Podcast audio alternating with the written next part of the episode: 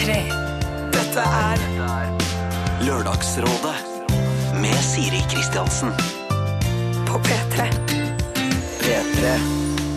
God morgen, du hører på Lørdagsrådet med en eh, meget trøtt programleder i dag. Og det kan slå begge veier. Jeg kan bli ekstremt eh, fjasete og laus i uh, kjeftemanget.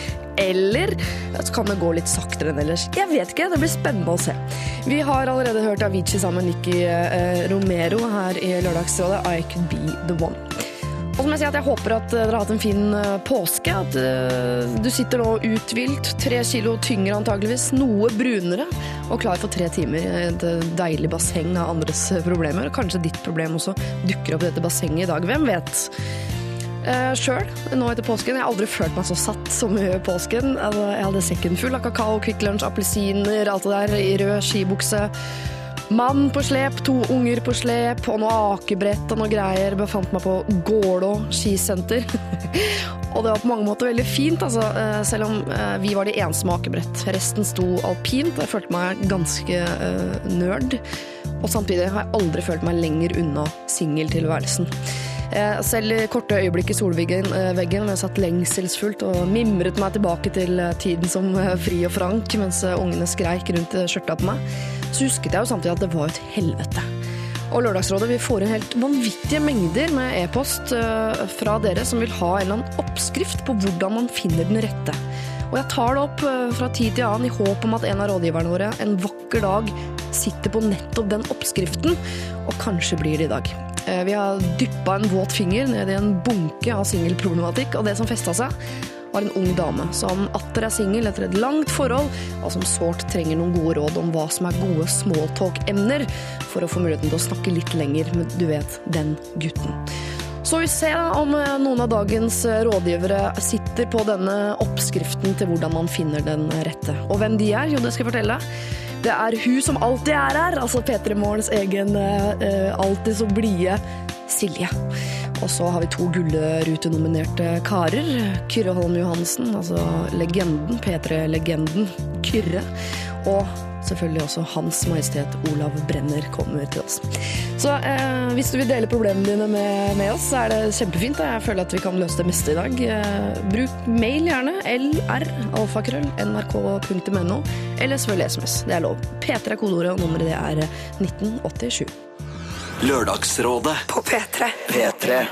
For noen uker siden så eh, ga vi, altså Lørdagsrådet, råd til en fyr eh, som skulle til Syden med dama.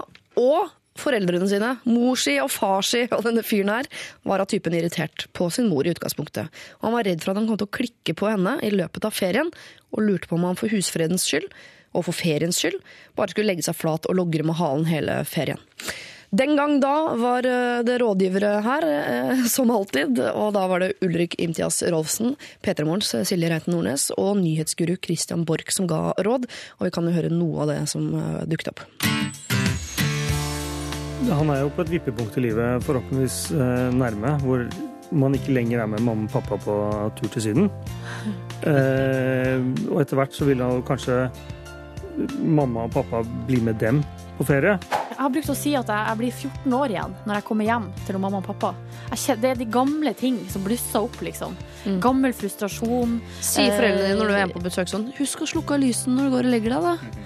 Nei, det er ikke så ille, men det er sånn Silje, kan du ta ut av oppvaskmaskinen? Og da har jeg lyst til å si til mamma ja, men mamma, jeg er på vei. Jeg tror rådet til denne, denne herren som da skal på tur med mor og far og kjæreste og hele røklet, er at han bestemmer seg for å være tolerant. Ja. Altså at han er på forhånd mentalt innstilt på å svelge i seg irritasjonsmomentene etter hvert som de dukker opp, for hvis ikke så blir ikke dette noe moro, altså. Dette er Lørdagsrådet på P3. P3. Og Silje får du mer av om bare noen eh, minutter. Men først eh, altså, en liten tilbakemelding fra denne noe irriterte fyren som nå har kommet hjem fra Syden. Og han skriver til oss hei, Lørdagsrådet. Tusen takk for gode råd, selv om eh, Og nå eh, blædi, blædi, blæ. Jeg har ikke godt lese- og skrivekurs. Beklager. Tusen takk for gode eh, råd. Turen gikk fint, og som dere sa, var nok det beste å ikke la seg irritere og ta den kampen neste gang. Jeg og min kjæreste skal nok komme oss på ferier for oss selv etter hvert, men denne, gangen var det 60-årstur med hele slekta, så det var ikke så mye valg. Eh, I påsken dro vi til eh, Geilo. Med bil, men det fortalte vi ikke til mor. Hjertelig hilsen lillebroren som stadig nærmer seg 30. Jeg sa at vi får mer av Silje hvert øyeblikk, og det er sant. Denne gangen blir hun akkompagnert av eh, faktisk to eh, konkurrerende manneindivider. Jeg skal komme litt tilbake til hva de konkurrerer i. Nei, det er ikke fekting. Eh, Hans Olav Brenner er den ene, og Kyrre Holm Johansen er eh, den andre. Og de eh, kommer på plass etter litt musikk. Først ut her, Blood Command, High Five for Life.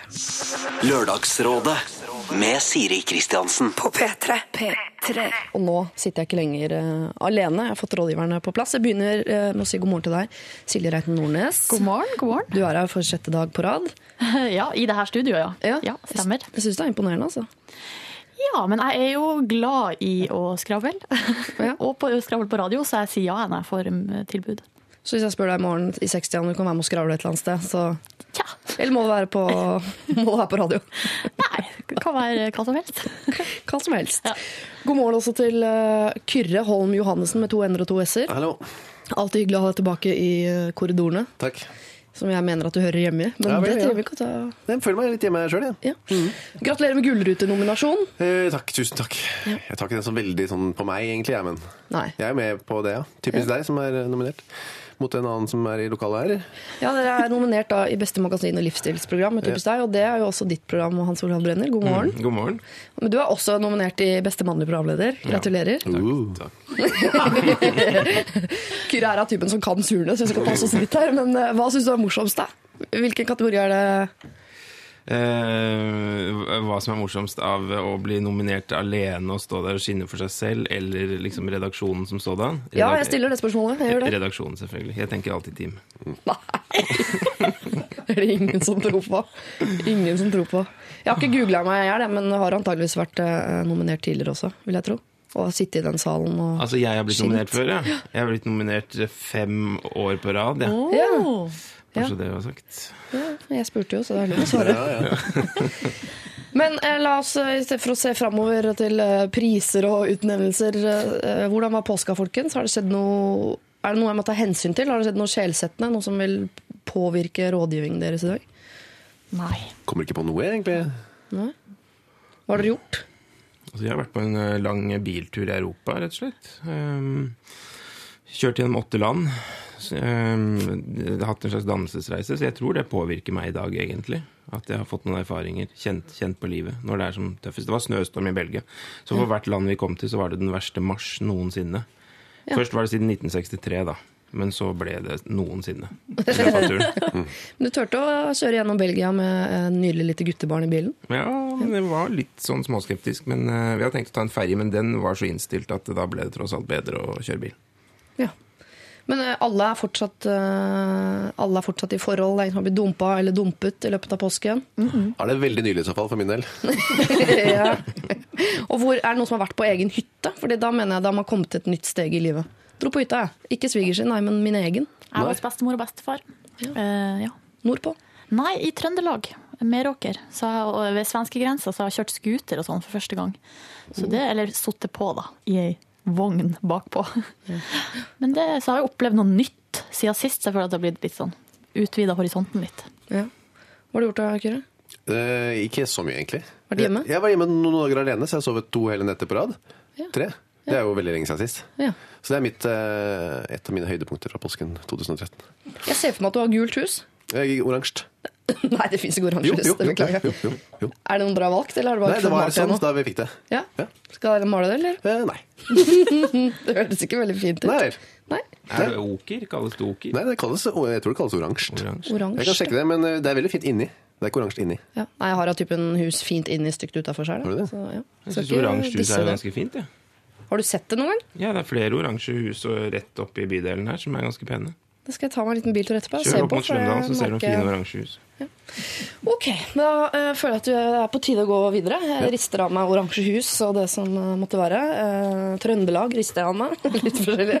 Og vi går videre inn i rådgivningsdelen av eh, dagens lørdagsråd. Rett på andre siden av Røyksopp. Only this moment. P3. Dette er Lørdagsrådet med Siri Kristiansen. Eh, og jeg har sagt det til eh, dere som hører på allerede, at vi får mye mail fra single jenter og, og gutter eh, som sitter og håper at noen av rådgiverne har en oppskrift på hvordan vi skal finne den rette. Er det eh, Kyrre, Silje eller Hans er noen som føler at dere sitter på en oppskrift til hvordan man liksom finner the one? Neo. the one. Nei, eller hvis vi gjør det, må vi si det nå? Ja. Eller jeg føler at man må eh, si Man må være i ja-modus. Man må si ja, Ja. på en måte. Når muligheten kommer, så må du ta den, på en måte. Ikke si sånn, Hvis, eh, ja, hvis noen ber si sånn eh, Hvis du syns ei jente er søt, og så ber hun deg på nachspiel, så kan du ikke si nei. Nei. Eh, Da må du si ja. Ja, ja, ja, ja. Bli med, bli med. Følge alle ledetråder. Ja. Altså bare, for det er ikke sikkert du skjønner at det er den rette før etter en Nei, nei, nei. nei. Det er ganske god det. tid. Det er akkurat det. Man må gi det litt tid. Ja. Altså, ja. Lokføreren han brukte åtte år han, på å skjønne at jeg var den rette, enn når jeg sa det til han hele tiden. Ikke sant? Og du bare ble med hele tida. Ja, ja, jeg er den rette, sa jeg. Sto bak han. Jeg er den rette. Skjønte ikke. Dum som et brød, vet du.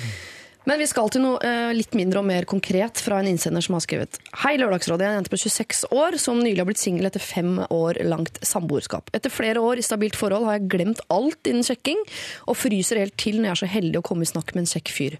Så hva er Lørdagsrådets beste tips til smalltalk-emner?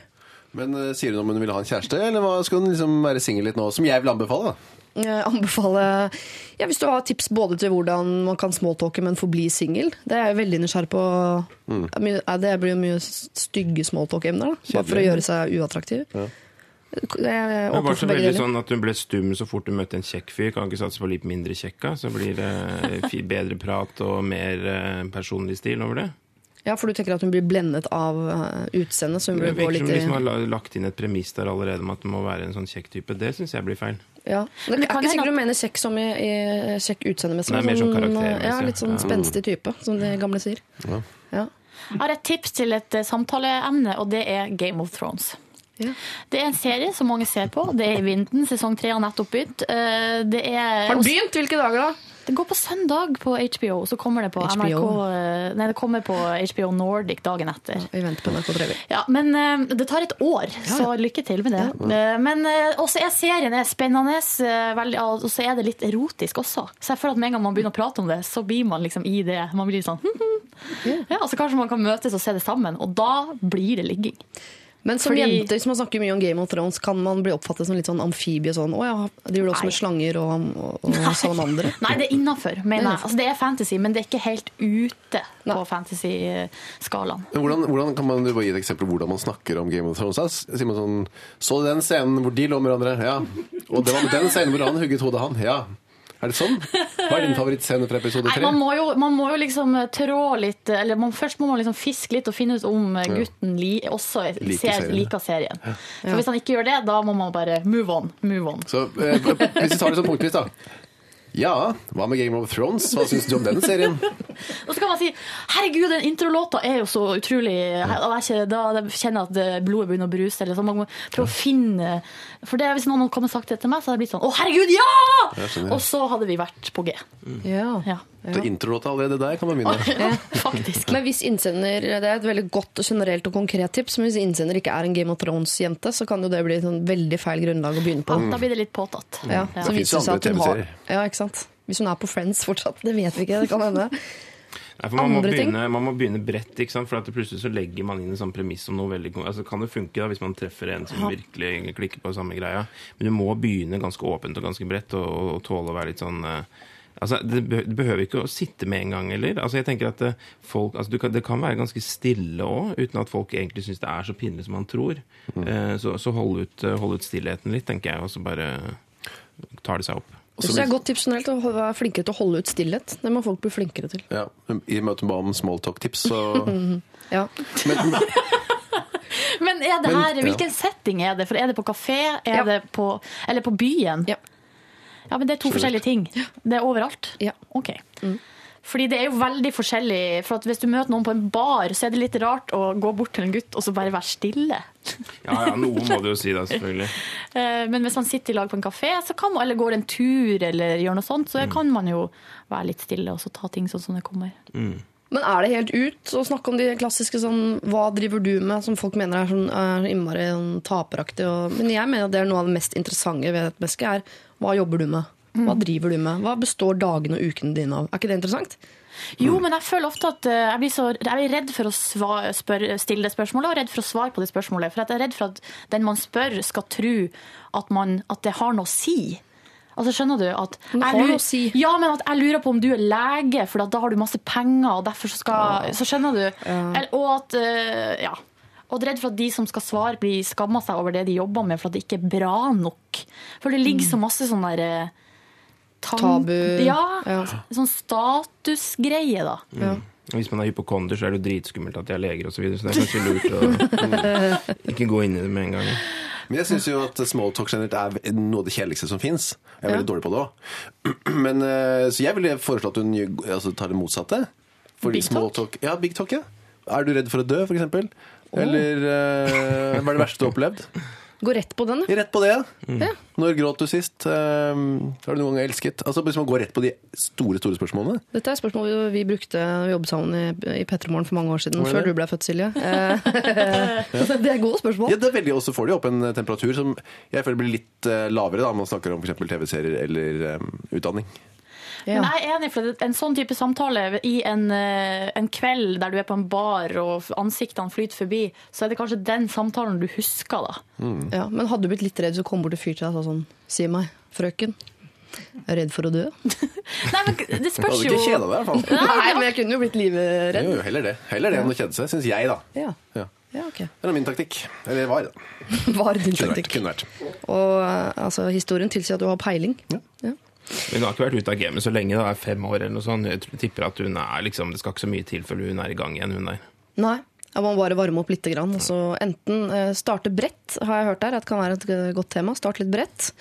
Eh, eller hvis du er ekstremt opptatt La oss si at hun er ekstremt opptatt av Game of Thrones, da, så må det være lov å gå rett på det. fordi hvis hun da møter en likesinnet, så er jo det uten tvil en plattform å møtes på. Eller eh, hvis du ikke er så glad eller føler at du ikke er god på smalltalk, dropp smalltalk. da. Eh, gå for enten A, stillhet, eller B, gå for big talk.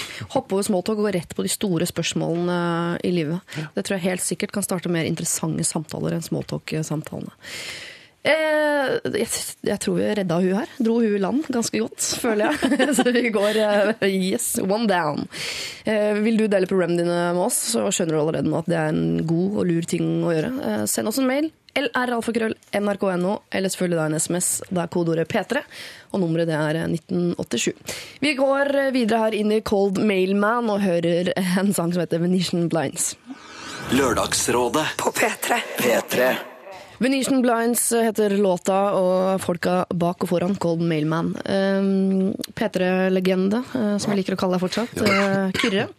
Hallo. Uh, P3 Morgens eh, Silje Sier bare Silje? Jeg veit at du heter Reiten Nordnes, selv om du alltid tror at jeg har glemt etternavnet ditt. Men husker du mellomnavnet mitt? Silje Helene. Nei. Karianne. Therese. Therese. Ja, Ja. Se der. Og Hans Majestet Olav Brenner. Er det noen andre som har begynt å plukke opp som har begynt å bruke Majestet om deg? Nei, jeg har ikke hørt det verken før eller siden, jeg. Bare her. Men det er veldig koselig. Komme hit inn på en bølge. Jeg vet ikke om du har godt av det, men øh, jeg durer på, jeg. Jeg skal også dure på med et uh, jenteproblem. Ja. Mhm. Jeg vet ikke om dette problemet nemlig fins i guttegjenger. Det tviler jeg sterkt på. Men øh, hvis det gjør det, så fortell oss det gjerne. Hei, søte Lørdagsrådet. Vi er en jentegjeng på fire stykker, hvor to av oss har fast kjæreste, og den tredje har noe på gang med en fyr. Så har vi fjerdemann. Lenge har hun holdt på med å ligge rundt med diverse eldre gutter. Vi er 17, de er rundt 23-25. Lenge har, vært, eh, har det vært den samme fyren hun har ligget med, men hun har begynt å gå litt lei av han, så nå har hun gått videre til andre partnere på omtrent samme alder som han. da. Hun har til og med hatt seg en gutt som har dame. Alt dette vet vi, fordi hun prater om det konstant. For det første er det veldig irriterende at hun driver og ligger rundt, eh, men at hun skal prate om alle disse folka er nesten enda verre. Ingen av oss andre vet heller hvem noen av disse guttene er, og jeg er veldig lei av at hun prater om det hele tiden, og at hun konstant er redd for å være gravid osv., for hun bruker jo ikke kondom eller annen beskyttelse. Har dere noen tips til hva vi kan si til denne venninnen for å i det minste få henne til å slutte å fortelle alle disse sexhistoriene? Eller kanskje til og med få henne til å innse at hun må slutte å ligge rundt? Takk på forhånd. Hilsen jente 17 som er sliten av sexhistorier hver mandag morgen. Kjenner meg igjen. Ja, Nei, som gutt, ja, men det, Hadde dette vært et problem med en guttegjeng? Sånn, Åh, Knut skal alltid fortelle knullehistorier ferdig. jeg har aldri vært borti noen av de eh, problemstillingene i de guttegjengene jeg har vært med i. Nei? Eh, så svaret er nei. Jeg kjenner meg ikke igjen. Nei. Jeg tror det egentlig var ironisk. Jeg skjønte det. Det er veldig ofte det. Men det må være massivt, da, siden oppleves så problematisk. For jeg tenker at Mange vil jo eh, sette underholdningsverdien i dette her. Mm. Eh, altså Selvfølgelig burde brukt kondom, og man kan jo ta frem moralisten i seg på, på den ene og den andre måten. Men liksom en liten sånn prat mandag morgen, og noen har et festligere liv enn oss andre De fleste syns det er litt, uh, litt artig. Men det har altså gått et punkt hvor hun er sliten. Det er for mye, rett og slett. Ja. Men hun sier her et tidspunkt eh, at hun syns det er irriterende at hun ligger rundt. Og da lurer jeg litt på hvorfor er det irriterende? Ja, det skjønner ikke jeg heller helt. Eh, Men det er vel det at de må er nødt til å sitte og høre på det Mm. hele tida. Men da må man jo bare si at um, vi er ikke interessert. For, ja. På meg så virker det som at det er mandagsmorgen som er det litt av problemet her. For jeg kjenner meg litt igjen Jeg syns jo at bare snakke om dette nå, eh, selv om klokka faktisk snart er ti, det er litt tidlig for meg. Ja. Og, til- og ligging av 17-åringer. Ser for meg at det kan være sånn Å, jeg har akkurat stått opp og komme på skolen og så liksom sette seg ned, og så masse sånne sex med disse guttene inn i ørene. Kan være eh, bare et dårlig tidspunkt. Ja. Kanskje kunne foreslått å tatt en kveldsøkt på det, eller at man kunne sendt, noen sånn felles mail på det, eller et eller annet, bare fått en annen form på det, da. Kanskje du burde begynne å møtes på søndager på kvelden, bare for å få rydda unna Ja, ta det der. Ja. Ja, men er det ikke jeg bare tenker sånn, Ofte snakker man jo om de tingene man er midt oppi selv. Og hvis de andre er i forhold, og sånn, så kan jeg tenke meg at for den som er liksom på en øh, bølge av partnere og, og fester og hopper rundt og har det sikkert veldig gøy, mm. så kan det være vel så slitsomt for hun å høre om sånn hvilken type taco det kjæresteparene spiste i helgen, og hva de så på på TV og sånn. Palmefett og sånn, ja. Kan man ikke unne hverandre altså Som venninnegjeng så vil man jo hele tiden være på forskjellige steder, og alle er i forskjellige faser, og noen er single og ikke. Og hvis man skal holde sammen som gjeng, så må man jo bare også holde ut hverandres sånn eh, tematikk. Ja. Hva skulle hun ellers snakke om, da? Det er en jenta på 17 år. Det er jo det hun driver med. Hun Ligger rundt. Ja. Hva skulle hun snakke om? Men kanskje de skal eh, invitere henne på lørdagskveld på liksom et hyggelig lag, der det ikke er noen gutter på 20-25 som hun kan ligge med. At hun kan være liksom i lag med vennene sine, også i helga. sånn at hun ikke bare... Og jeg tenker jo sånn For jeg syns det er sånn underliggende her at det er et problem at hun ligger rundt. Ja. Og det er det jo ikke. Tenker jeg da, Hvis hun har lyst til det, så må hun bare ligge rundt så mye hun vil. Mm. Men at hovedproblemet er og Hvis det er det at det er det eneste hun snakker om, så tenker jeg hvis de er gode venninner, så er det jo bare å si det. At eh, vi syns at det er litt sånn ensarta her. Kan vi få snakke med deg om noe annet? Kan du snakke litt mer om Game of Thrones, for eksempel? Hva syns du om intromelodien? Men kan de ikke bringe egne temaer til bordet, da? For jeg tenker, det er jo, Hun Ja. må jo bli med på andres samtaler også, men når hun bringer temaer til bordet, så er det klart hun bringer de temaene til bordet som, som opptar henne der og da. Og har du ligget med en fremmed fyr i helga, ja, så er det gøy å snakke om. Det må man Altså, det vet vel alle. Jeg husker når alle var single, så var det vi snakket om uh, uh, en helg, var det som skjedde forrige helg, og sånn gikk helgene. Og så plutselig man da har hoppet av det der og øh, blitt inn i et forhold og sånn, så er man jo helt ute. Da hadde jeg merka sånn, nå har ikke jeg noe å snakke om, jeg. Så jeg, er det ikke er det ikke gøy å høre på Jeg skjønner ikke at det ikke er gøy å høre sexhistorier. Det er det morsomste. Jeg elsker når single venninner av meg kommer nå til, sånn, til meg med rare sexhistorier fra helgen. Men det som er at hvis hun eh, her venninna, når hun tror hun er gravid, og sånn, at da blir det mm, dramatisk, og det er gråting og hysteri og sånn, Ja. så er jo det litt eh, slitsomt. Men igjen så sier jeg ja, men da må dere bare si det. Bruk kondom. Ikke kom hit eh, og skrik på skuldra vår hver jævla tirsdag, mandag eller tirsdag fordi du tror du er gravid. Å ja, for du hører at hun kanskje klager om dette på mandagene. Jeg hører, at, jeg hører skryting, jeg. Ja, men hvis hun tror hun er gravid, det er jo ikke skryting. Nei, det er ikke, akkurat det er ikke skryting. Og det er lov å si bruk kondom. Eh, Det Ja. må være lov å si til venninnen sin. Ja. Men øh, syns, syns dere helt sånn Burde hun på 17 slutte å snakke om det hun driver med i helgene? Nei. Nei. Men jeg synes man skal ta hensyn. ja. Hvis ikke du har lyst til å høre om det på mandag morgen, ta det en annen dag, da. Ta det i storefri, da, i det minste. Ja, så si det, da. Ja, kan si vi det. vente med Kan vi ta det etterpå, liksom? Jeg må våkne litt her. Det, er, Ja. jeg, det er mitt tips. Det er ditt tips. Kan vi ta det senere? Jeg må våkne litt. Det er et kompromiss. Alt, alltid kompromisser. Ja. Og så snakke litt om andre ting òg. Men da må de komme med forslag. Det er ikke bare sånn Det vil jeg ikke høre om. Det er så kjedelig å høre om.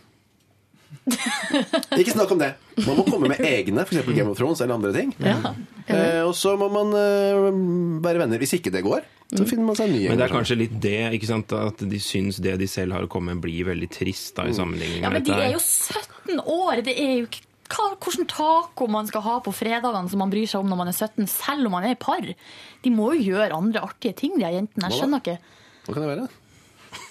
Det er ting man gjør som ikke handler om at man er i et par. Det er jo det eneste kjedelige med å være i et eh, forhold. Det er jo, jeg har nesten utelukkende bare positive ting å si om det, men det eneste kjedelige er at man må slutte å snakke om sexen. Fordi man utleverer jo ikke kjæresten sin, man utleverer bare folk man ligger med. Ja. Ikke sant? Så det, det er liksom eh, Man, fortsatt, downside. altså, man er jo fortsatt 17 og kan drikke seg drita og sovne på badet, og, bli, og noen må holde håret, bli ferska av foreldrene. Det er jo et hav av tema å ta av her. ja. Jeg ser ikke for meg at dette er helt sånn den type gjeng. Hva skal vi bli når vi blir store? Det kan vi det, snakke om. De er kanskje ikke kristen, men det er et par som driver med håndball, tenker jeg. Og så er det mye turneringer i helgene, og det er ikke så mye å snakke om de 32-31 og sånn når de kommer eh, på mandagen der.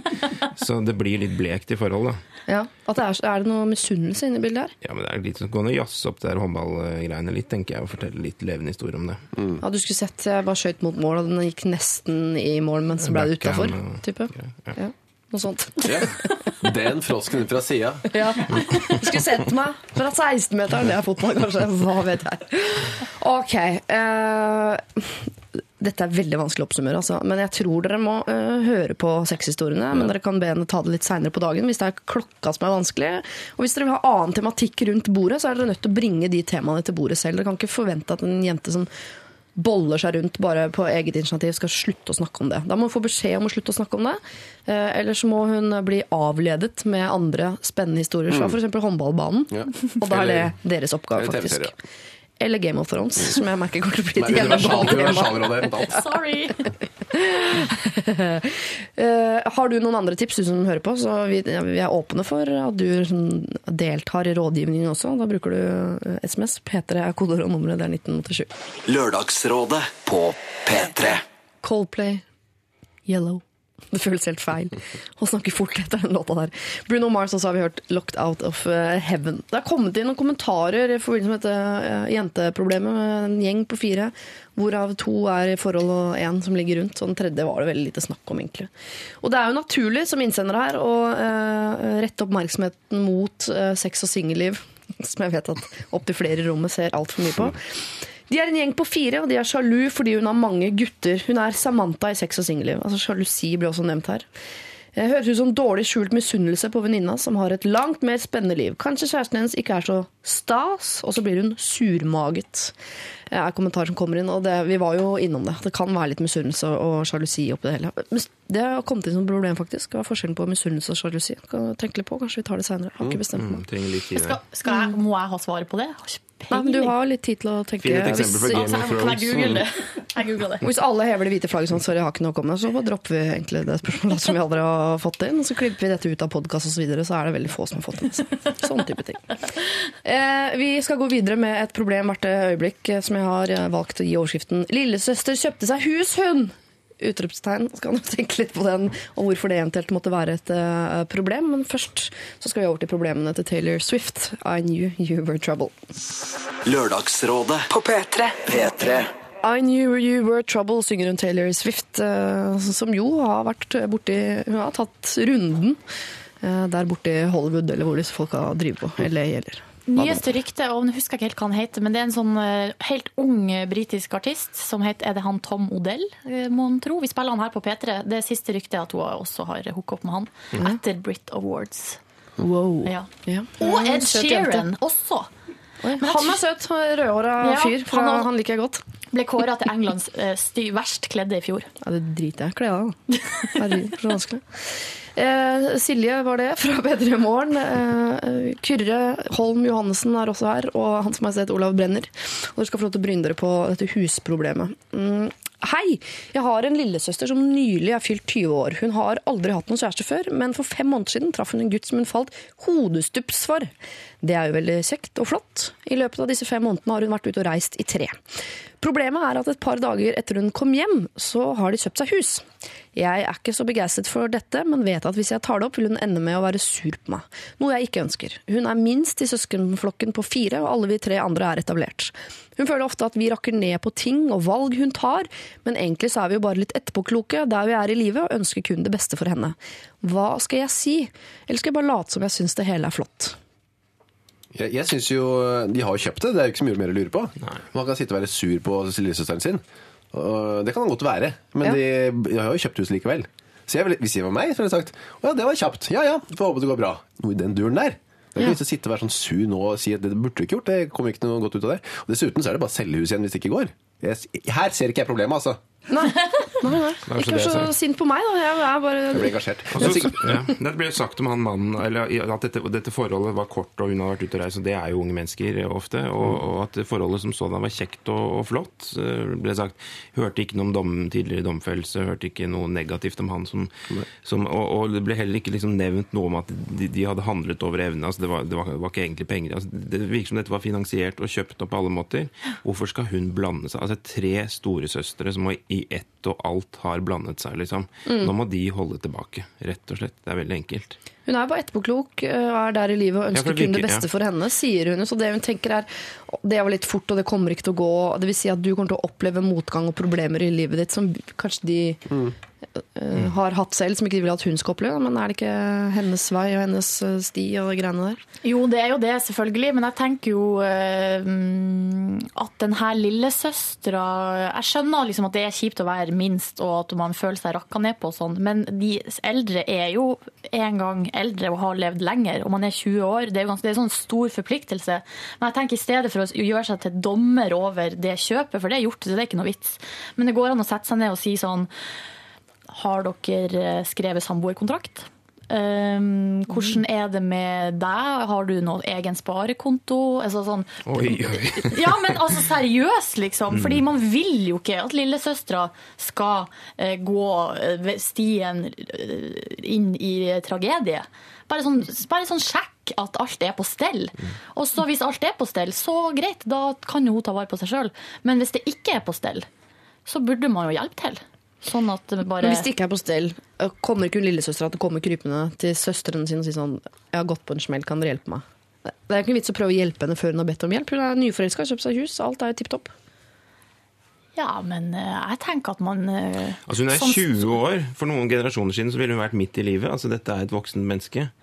Eh, Men det med samboerkontrakt syns jeg var veldig fornuftig altså, Ja. å spille inn. Altså Det var eh, Det hørtes ut som du var juridisk eh, rådgiver der på flanken. Så det var jo helt uomtvistelig. Ja. For det er jo de der tingene som man kanskje ikke tenker over når man er forelska. Mm. Tenk 'å, her vil jeg satse', 'å, det her er Ja, ja. Dette er verdens beste fyr, han kommer Ja. aldri til å Så også- tenker jeg det, det er jo ikke fordi at man tror at, man skal, at det forholdet skal gå til gaiken. Det er jo bare en ting man gjør fordi det er lurt å gjøre det. Har dere, er, det, er det gjeldsforsikring? Har dere forsikra livet på hverandre? Hvis han dør, selv, blir du sittende igjen med gjeld? Det er jo sånne typer litt sånn voksenting som bare er lurt å ha på stell. Gjeldsforsikring. Ja. Da jeg var 20 år, så bodde jeg på en bitte liten hybel eh, hos en gammel mann som likte å eh, titte gjennom nøkkelhullet i dusjen i Tromsø. Og jeg, jeg ble jo, altså, Et eget hus! For en fantastisk Eller det var kanskje litt mye egentlig for meg på den tiden der. Ja. Jeg følte at Hvor skal jeg gjøre av den plassen? Altså, hvor skal jeg gjøre av meg? Men lot han hygge seg med det, eller sa du fra? Nei, jeg sa ikke fra. Nei. Var det billig? Det Klassisk veldig lørdagsrådeproblem. Men uh, det til side, egentlig. Um, for, for min del, jeg møtte jo min nåværende kone, eh, Lisa. Um, kjøpte et hus et halvt år senere. Så jeg kjenner Ja. meg veldig igjen i denne Jeg var ikke 20 år da, riktignok. Bare Men- til sinns, si. Ja, ja, uh, maks. Eh, tilhenger av at man skal gjøre sånn, jeg, hvis man har lyst til det. Så jeg, det er jo ikke verden at man selger hus igjen. Ja, du fridde jo et kvarter ut i de greiene der òg, gjorde du ikke det? Det- Man trenger ikke somle så fælt alltid. Man trenger ikke vente til liksom det Jeg vet ikke hva man skal vente på alltid. Nei, Det er hyggelig å kaste seg over alt som er gøy i nyforelskelse Ja. også. At ikke det skal bare bli at det der med å kjøpe hus, det med å gifte seg sånn, blir en sånn praktisk ordning ti år uti hvor all magi er borte. Og sånn, hadde det ikke vært Istedenfor å skrive den samboerskontrakten, da, skulle vi ikke bare gifte oss, da? Det er så mye lettere. Vi. Kan ikke bare gjøre det, da? Kan ikke flytte sammen, da? Deleøkonomi er så mye billigere for oss. Hvis man har råd til å kjøpe et hus, kjøp et hus. Jeg ser ikke noe, jeg ser ikke noe problem. Og så har de Som sagt. klart å kjøpe dette huset. Altså 20 år og klart å kjøpe huset. Skrive under kontrakt. Ja, det må få være litt på stell, ja. Altså det, Ja. altså det er så tillitsvekkende. Mm. Altså Stadiet de er på her, er så tillitsvekkende at jeg syns de trygt kan holde kjeft, de der storesøstrene. Ja. Dette er Men det må være lov å bry seg, da. Syns jeg, som jeg er storesøster sjøl. Jeg bryr meg veldig for uh, Og jeg legger fingrene mine opp i sakene til brødrene mine hele tida. Ja vel. Med beste mening! Ja, ja, ja, det sier de alle. Eh, Jeg hører veldig tydelig her at eh, det det rådet vi kan gi, er at dere må holde tåta. Og sånn er det. Det er lov å bry seg, eh, men det kan du gjøre eh, med lukket munn. Og den munnen må være lukket fram til lillesøster selv ber om hjelp. For foreløpig så syns vi vi bare hører at alt er på stell. Hun er forelska, fått seg hus, er purung og ja, egentlig, Jeg tror vel nesten jeg snakker på vegne av alle her når jeg sier at vi er bare litt misunnelige. Det høres ut som søstera di har, eh, har det gående, altså, rett og slett. Send inn problemer til oss. Det er LR for Lørdagsrådet, alfakrøll, nrk.no hvis du har noe på hjertet som ikke du klarer å løse sjæl. Dette er Lørdagsrådet På P3. P3. Muse og deres Super Macy har vi hørt der. Og vi skal gå over til et problem av den noe artige sorten, vil jeg tørre å påstå. Kom inn på mail nå for en ja, ti minutters tid siden, hvor det står Hei, vi er så heldige å få låne mine foreldres hus i Spania når vi ønsker. Nesten. Der er det mange hyggelige nordmenn som vi har mye glede av. Men det er et par som vi blir bedt til ofte, som vi føler oss litt ubekvemme med. Fruen i huset liker å se litt ung ut, hun er pensjonist, og går derfor med litt korte skjorter, T-skjorter. Og det hadde vært helt ok det, hvis ikke det var for at hun går eh, BH-løs og samtidig har lange pupper. Det blir pinlig hver gang hun løfter litt på armene. Så hvordan skal man ta opp dette uten å fornærme henne? Dette paret er veldig snille og hyggelige, så vi ønsker ikke å såre noen. Skulle vi være så heldige å få uh, T-skjorta, altså da snakkes det om P3-T-skjorta, som deles ut helt på slutten her, ønsker vi ekstra lang smilefjeshilsen Harald og Marie. Altså, uh, kort oppsummert, kort genser, lang pupp. Men jeg må bare få klarlagt det. Kommer puppene under altså, Kommer de litt i syne når Jeg du vet- løfter armene? Tro sånn ut, ja. Vortegård og Knopp er ute i friluft innimellom. Men hvor ofte, ser, altså, hvor ofte er de hos det her paret? Ofte nok til at det har blitt et problem. Og så bare dette at de vurderer å ta det opp, det syns jeg var uh, modige greier. Ja, Altså, Det hørtes jo helt uhørt ut. Altså, jeg hadde en beslektet opplevelse her. fordi at jeg var på, på, tok ferjen mellom England og Danmark. Og da var det en sånn veldig pen og ordentlig dame. Ikke i noe sånn Spania-vigør i det hele tatt, men veldig sånn, eh, sånn eh, pent dresset opp. Og, som- som, hadde veldig lange pupper. Eh, eller veldig, veldig lange pupper. eh, og en genser som eh, altså kunne ikke hatt BH. Og så var det liksom den der litt sånn strikkaktige greien nederst på, på, på genseren som, Ja, sånn hindret, genser, ja. ja, Ja. hindret at det ble oppskønta, på en måte. Men det er veldig sjelden man ser dette her. Det er et uvanlig fenomen, syns jeg. Veldig uvanlig. Ja. tenker, Altså, lange pupper er ikke så uvanlig, eh, men å da velge bort BH, for eksempel, og også velge da kort T-skjorte, det tror jeg er ganske uvanlig. Jeg har aldri sett en pupp komme ut på den siden av T-skjorte. Det kan jeg med hånd på hjertet si. Ja, nei, Jeg det har jeg ikke sett. selv. Nei. kan det være en mulighet at For at jeg vet ikke, Hva er grunnen til at de skal si fra her? Er det for at de skal hjelpe denne dama til å liksom Uh, altså hjelpe henne, bare si, akkurat som at hun ikke er klar over det? Eller er det for at de sjøl har et problem med det? For jeg tenker sånn Er det så farlig, da? Du er på besøk hos et hyggelig par, du ser en pupp, OK, og så er jeg ferdig med det. Det var den ferien. Altså sånn, ikke så farlig. Du sitter og spiser, ikke sant? Og så Hun er jo liksom klar over sjøl at puppene kommer ut under skjorta. Det er ikke sikkert, det. Sånn. du. Ja, men for Det, det synes jeg er interessant å si, for at Hvis det hadde vært sånn ren geriatri, altså dette var litt sånn sykehjemsaktig, og du skal ta du, du, Puppene dine kommer ut der, skal bare ta ned genseren og hjelpe deg. Sånn, da hadde det vært én sjanger. Ja. Men her er det snakk om en kvinne som har lyst til å se litt ungdommelig ut. Og at du da i det hele tatt tenker tanken om å si ifra, da er du en moralist. altså. Da, du, her må du trekke deg tilbake og te, se på dette som en liten sånn artig greie. Ja. I tilværelsen. Så kan man snakke om det med vennene sine når man kommer hjem til Norge. Og hvis det er en som skal si fra her, så er det jo mannen hennes. Ja. Hvorfor sier ikke han fra? Kanskje han syns at det rett og slett er helt flott at puppene dukker under der. Det kan hende. Det må jo være det, ellers Ja. ville han sagt fra. Ja. Er det lov å slenge inn et ord som Instagram i dette? Ja, absolutt. absolutt. Hashtag Lørdagsrådet, sånn at vi kan få se det. Ja, altså, eh, det, Problemet for Harald og Marie her kan vel også være at de kanskje da i ut, de kunne ha bare gledet seg til å gå på middag til dette. Og det høres jo ut, utrolig hyggelig ut. da, driver og spiser middag med et eldre par nede i Spania. Harald og Maria høres utrolig hyggelig ut. Men det kunne vært bare hyggelig hvis jeg ikke hadde vært for de der eh, lange puppene som ofte stakk ut av T-skjorte. For det vil jo være med å på, altså ødelegge noe av den der Men eh, hvorfor er dette problemet? Har, dette, har dette en såpass pirrende virkning på han mannen hennes at hun liksom blir sjalu? Eller? Altså, jeg skjønner Altså på Harald? Eller på mannen til langpuppe Frida? det løfter hele opplevelsen. Ja, det må gjøre det. Til, til en helt ny dimensjon. Absolutt. Nei, jeg ser for meg, for jeg ser for meg en middag, og så er det litt sånn øh, brune, lange Litt gamle pupper. Mm. Som eh, kan gjøre, sikkert gjøre noe med atmosfæren i, rundt middagsbordet. Da. At det blir Ja. vanskelig å Ja, det de kan bli låst. låst. Ja. Ja. Tenk deg hvis mannen hadde tilsvarende liksom, med noe shorts. Så er det, Med lange baller. Kort Ja. shorts og lange baller. Det er ikke noe Den mailen har vi også fått. Neida. Eh, Men det kan jo hende at, de også, at det er nestekjærlighet her. At de vil skåne henne for å dumme seg ut. Tenk hvis han Ja. er for senil til å se det, og hun uh, ikke merker For det kan være når puppene blir så lange at nervesystemet ikke strekker til. At der nederst så vil du ikke reagere på oksygen på pupp. Jeg vet ikke. Men kanskje da, hvis, okay, men hvis vi skal oppnå opp muligheten for å si fra, så er det, det girl talk, altså jente til dame, på en måte. Ja. Da er det liksom på kjøkkenet, eller på at man er på badet i lag, eller altså et eller annet, at der kan man kanskje si sånn, oi, det var kort topp, Eh, oi, ja, du bruker ikke BH, du, nei, ja, nei. Sånn, så kan hun kanskje si sånn, nei, jeg synes det er så godt, og la de bare henge fritt, og da kanskje man kan få en sånn jentesnakk aura på det. Ellers så kan eh, Ja. mannen si et kompliment eh, mens de jentene er på kjøkkenet. Du, Se jævla flotte bryster hun har, hun eh, kona di. altså. Det ser de jo innimellom når hun løfter på armene. Jeg synes det er ganske flott de stikker ut der. Og du kan jo gi komplimenter til mannen også, i forhold til sånn, eh, for en raus fyr du er, som, Som lar lar se. liksom hele verden rundt dere se puppene til kona. Blir du ikke selv? Ja, kanskje Ja. det er en VJK. å. Ja. Eller bare nyte Nyt syne. Altså ikke nyte synet, Nei. for det ser jeg ikke for meg at det er uh, mulig. Men uh, altså nyte det humoristiske aspektet i det hele, for det er det jo unektelig. Altså, jeg det er ler jo bare overskriften. Ja, det er vel det humoristiske aspektet de ikke klarer å nyte i den situasjonen. For det eneste forklaringen er at det blir litt låst der. liksom. Det er en elefant i rommet der som ingen klarer å takle helt. To lange elefanter. To lange elefanter. Dukker ut under T-skjorta her. Sprelske kalver. Jeg ville kjøpt med noe langt og godt hjemmefra. Noe slags poncho eller noe sånt. Eller selger det sikkert på markedet der nede òg. Ja. Som en eh, housewarming gift. Eller takk for invitasjonen til middag. Her, Ja. ta på denne ponchoen, vær så snill. Ellers får vi se da, om dere er så heldige som dere håper, å få T-skjorte fra eh, P3. Ja. Så kan dere gi den til henne i og med at hun ønsker å være ungdommelig, som jo P3 er. Så er jo det et alternativ. Så får vi se om hun klipper den opp. I så fall så ønsker hun å vise puppene. Det må bare sies. Klippe hulen nederst.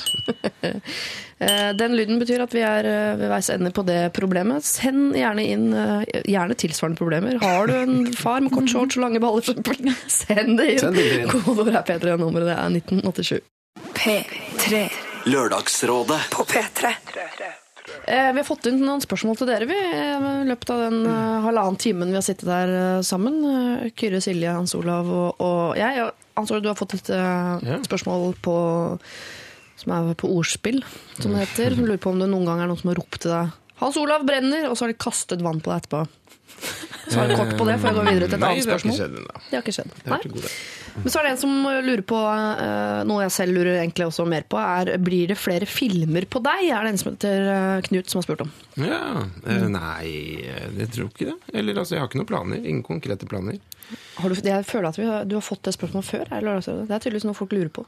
Ja, men altså, jeg kunne godt tenkt meg hvis det var hva man sier? Hvis det er et interessant prosjekt. Den riktige rollen. En riktig rollen, ja. Så kunne jeg absolutt tenkt meg å gjøre det. Men jeg er veldig kresen, ikke sant? Ja. Ja, for, er, det, er det masse forespørsler, og Nei, du da, som sier nei? ikke det. det, er ikke det. Men hvorfor ikke? Men jeg får, ja, jeg får noen sånne audition-forespørsler, men det er sånne rare ting som jeg tenker at det liksom ikke passer til. Litt sånn Ja. dinosauraktig, MacGyver-aktig ting som eh, Oi. Har fått spørsmål om det? ja, Er det samme film, eller to forskjellige? Det skal jo lages ny MacGyver-film nå, så du har vært i Norge? der, ja. Eh, I castingprosessen. Ikke i. Norge, nei.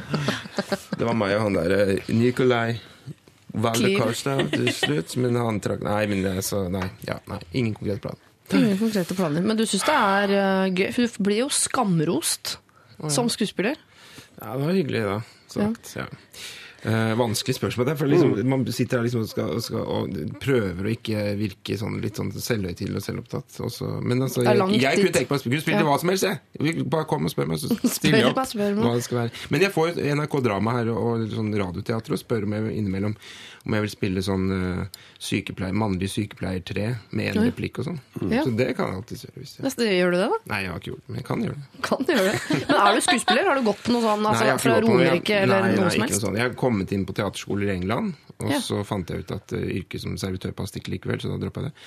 Og så uh, har jeg vært på tredjeprøve, på, men det har jeg sagt, men på teaterskolen her i, i Oslo, da. Så har hatt et ønske om å bli skuespiller? Jeg hadde et intenst ønske om å bli skuespiller. Og da spilte jeg Sei djevelen holder lyset, og Ja. leste Stanislavskijs eh, samlede verker, og var veldig opptatt av skuespillkunsten da jeg var et par og tjue. Ja. Men så fikk jeg liksom ikke det der store gehøret, så da slutta jeg. Eller ja, så da begynte jeg med andre ting. Men da er det jo gøy at du plutselig blir spurt om å spille i film, når du egentlig som hadde sagt sånn Vet du hva, da dropper jeg det. Ja, det Ja. var det. Det var en liten oppreisning for meg der at jeg fikk spille i en film. Kult. Kyrre Ja. Holm Johannessen. Jeg har også vært med i Radioteatret, fått forespørsel, faktisk. Jeg har også nemlig hatt lyst til å være skuespiller, som ikke tok Teaterhøgskolen. Mm. Da jeg i P3, så hadde de et sånt prosjekt eh, de fant ut Vi skal satse på ungdommelige, kule folk også. Vi får med folk fra P3. Ja. Og det var jeg veldig interessert i. For jeg hadde jo da som sagt en liten drøm om å være skuespiller. Så kom jeg ned i Radioteater Ærverdiges studio der, og rollen min var uh, mann to som krangler. Uh, som hovedpersonen gikk forbi. ja. Så jeg, jeg, skulle jeg skulle stå sånn.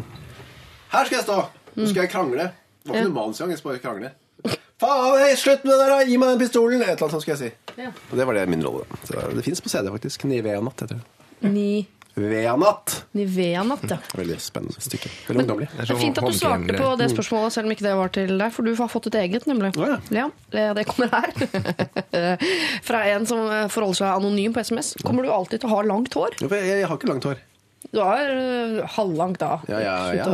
Det er relativt sett. For jeg, i min ungdomsdal, heter, så hadde jeg eh, veldig mye lengre hår enn jeg har nå. Altså lenger enn det du har, som er kan jeg ikke meg, litt godt ned på ryggen. Ja. Jeg hadde nesten ned til ja. Ned til tissen? Nei. Hvordan da? Tissen? Tissen begynner. Hvorfor må man alltid snakke om lengde på hår bak på kroppen? Det, man kan jo legge håret foran på kroppen når det er så langt. Okay, ja. det, det, gjorde Ja. jeg, det gjorde jeg ikke. Det gikk iallfall ikke ned til tissen. Men det gikk kanskje ned, nesten litt over rumpa. da. Ja. Så det var kjempelangt. Så rumpa er greit. Ja, for det var der det slutta, på en måte. Nå det nærmeste punkt. Men Uansett, kommer du til å klippe deg kort noen gang? Eh, ja, så jeg føler at jeg har kort nå, sammenlignet med det. Det har du ikke. Nei vel. Men eh, så mye kortere Ja, litt kortere blir det kanskje. Men ikke sånn kjempekort. Nei. Det er jeg litt redd for. Jeg tror jeg kommer til å se så veldig rar ut. Men nå er det bare litt sånn utklippet, en stund siden man klippet seg. Nei, men Det er riktig det, Hans Olav. Det er en stund siden. Så mye annet å holde på med. Veldig fint hår. Tusen takk. Vil du ha et annet kompliment? Eh, ja. Ja, Du er veldig flink til å si mye bare ved å lage lyd, men ikke bruke ord. Å, ja. Mm. Gjorde jeg det nå? Ja, Den lyden for meg sa veldig mye. da. Jeg skulle bare si at jeg klippet meg veldig kort en gang, og da skulle jeg ha pigg. Da var jeg seks, i sjette klasse cirka. Og Mm. da klippet jeg meg, men det gikk ikke å få pigg, så jeg måtte bare klippe, klippe, klippe. Så da var det kanskje en par centimeter, da. Så det var ikke så fint, eller? Nei, og så skulle jeg inn i klasserommet dagen etter, eh, og da hadde jeg akkurat fått en helt brun sånn kakefarget genser, en helt brun kakefarget bukse av moren min. Av en eller annen grunn så kjøpte hun det til meg, sånn slags sett. Så jeg så ut som en Mm. Sånn eh, konsentrasjons... eh, Med sånn veldig nyklippet superkort hår.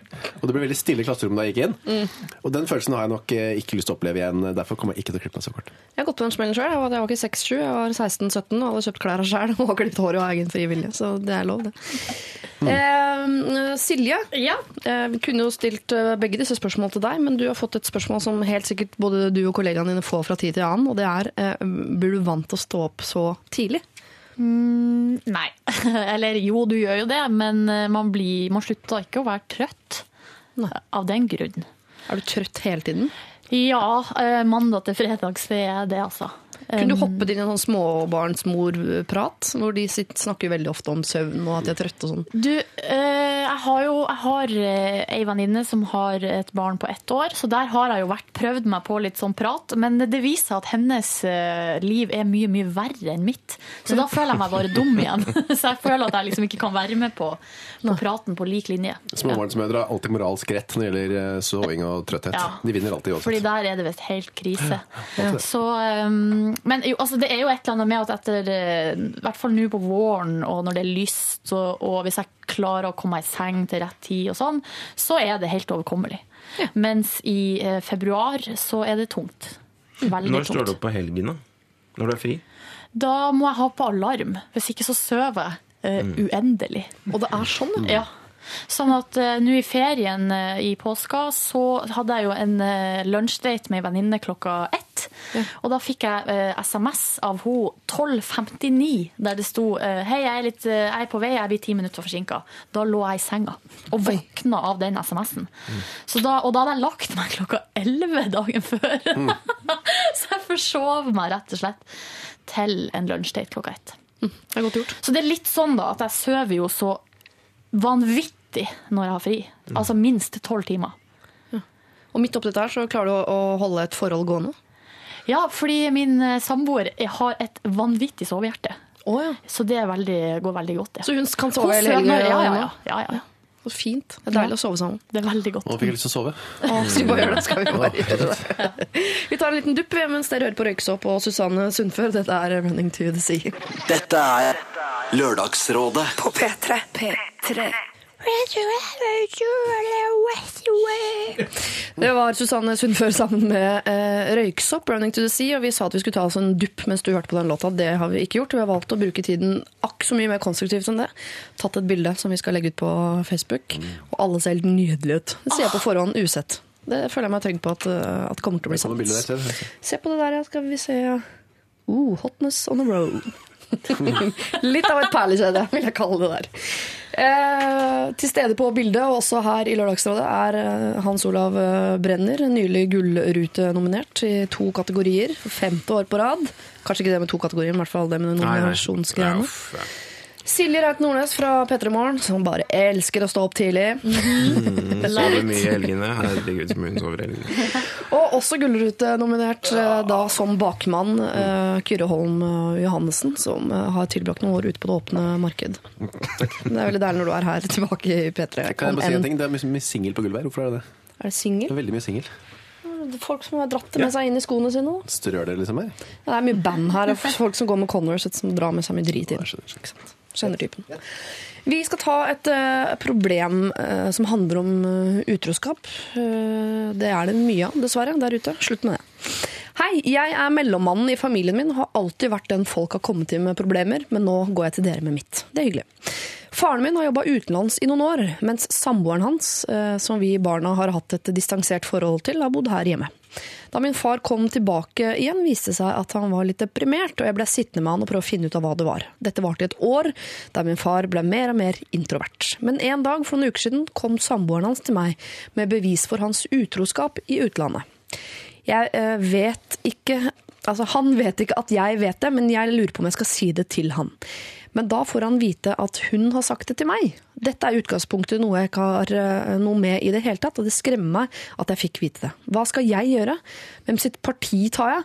Og kan jeg droppe kontakten da med far med vennligheten gutt 26? Uff, det er altfor mye ansvar på han stakkars guttens eh, skuldre. Ja. Der syns jeg eh, han skal si til Hvis jeg kan få lov til å begynne? Ja, ja, ja. ja, ja. Eh, si til hun samboeren dette her er ikke mitt problem. Ikke ta det med meg, ta det med han det gjelder, nemlig min far. Mm.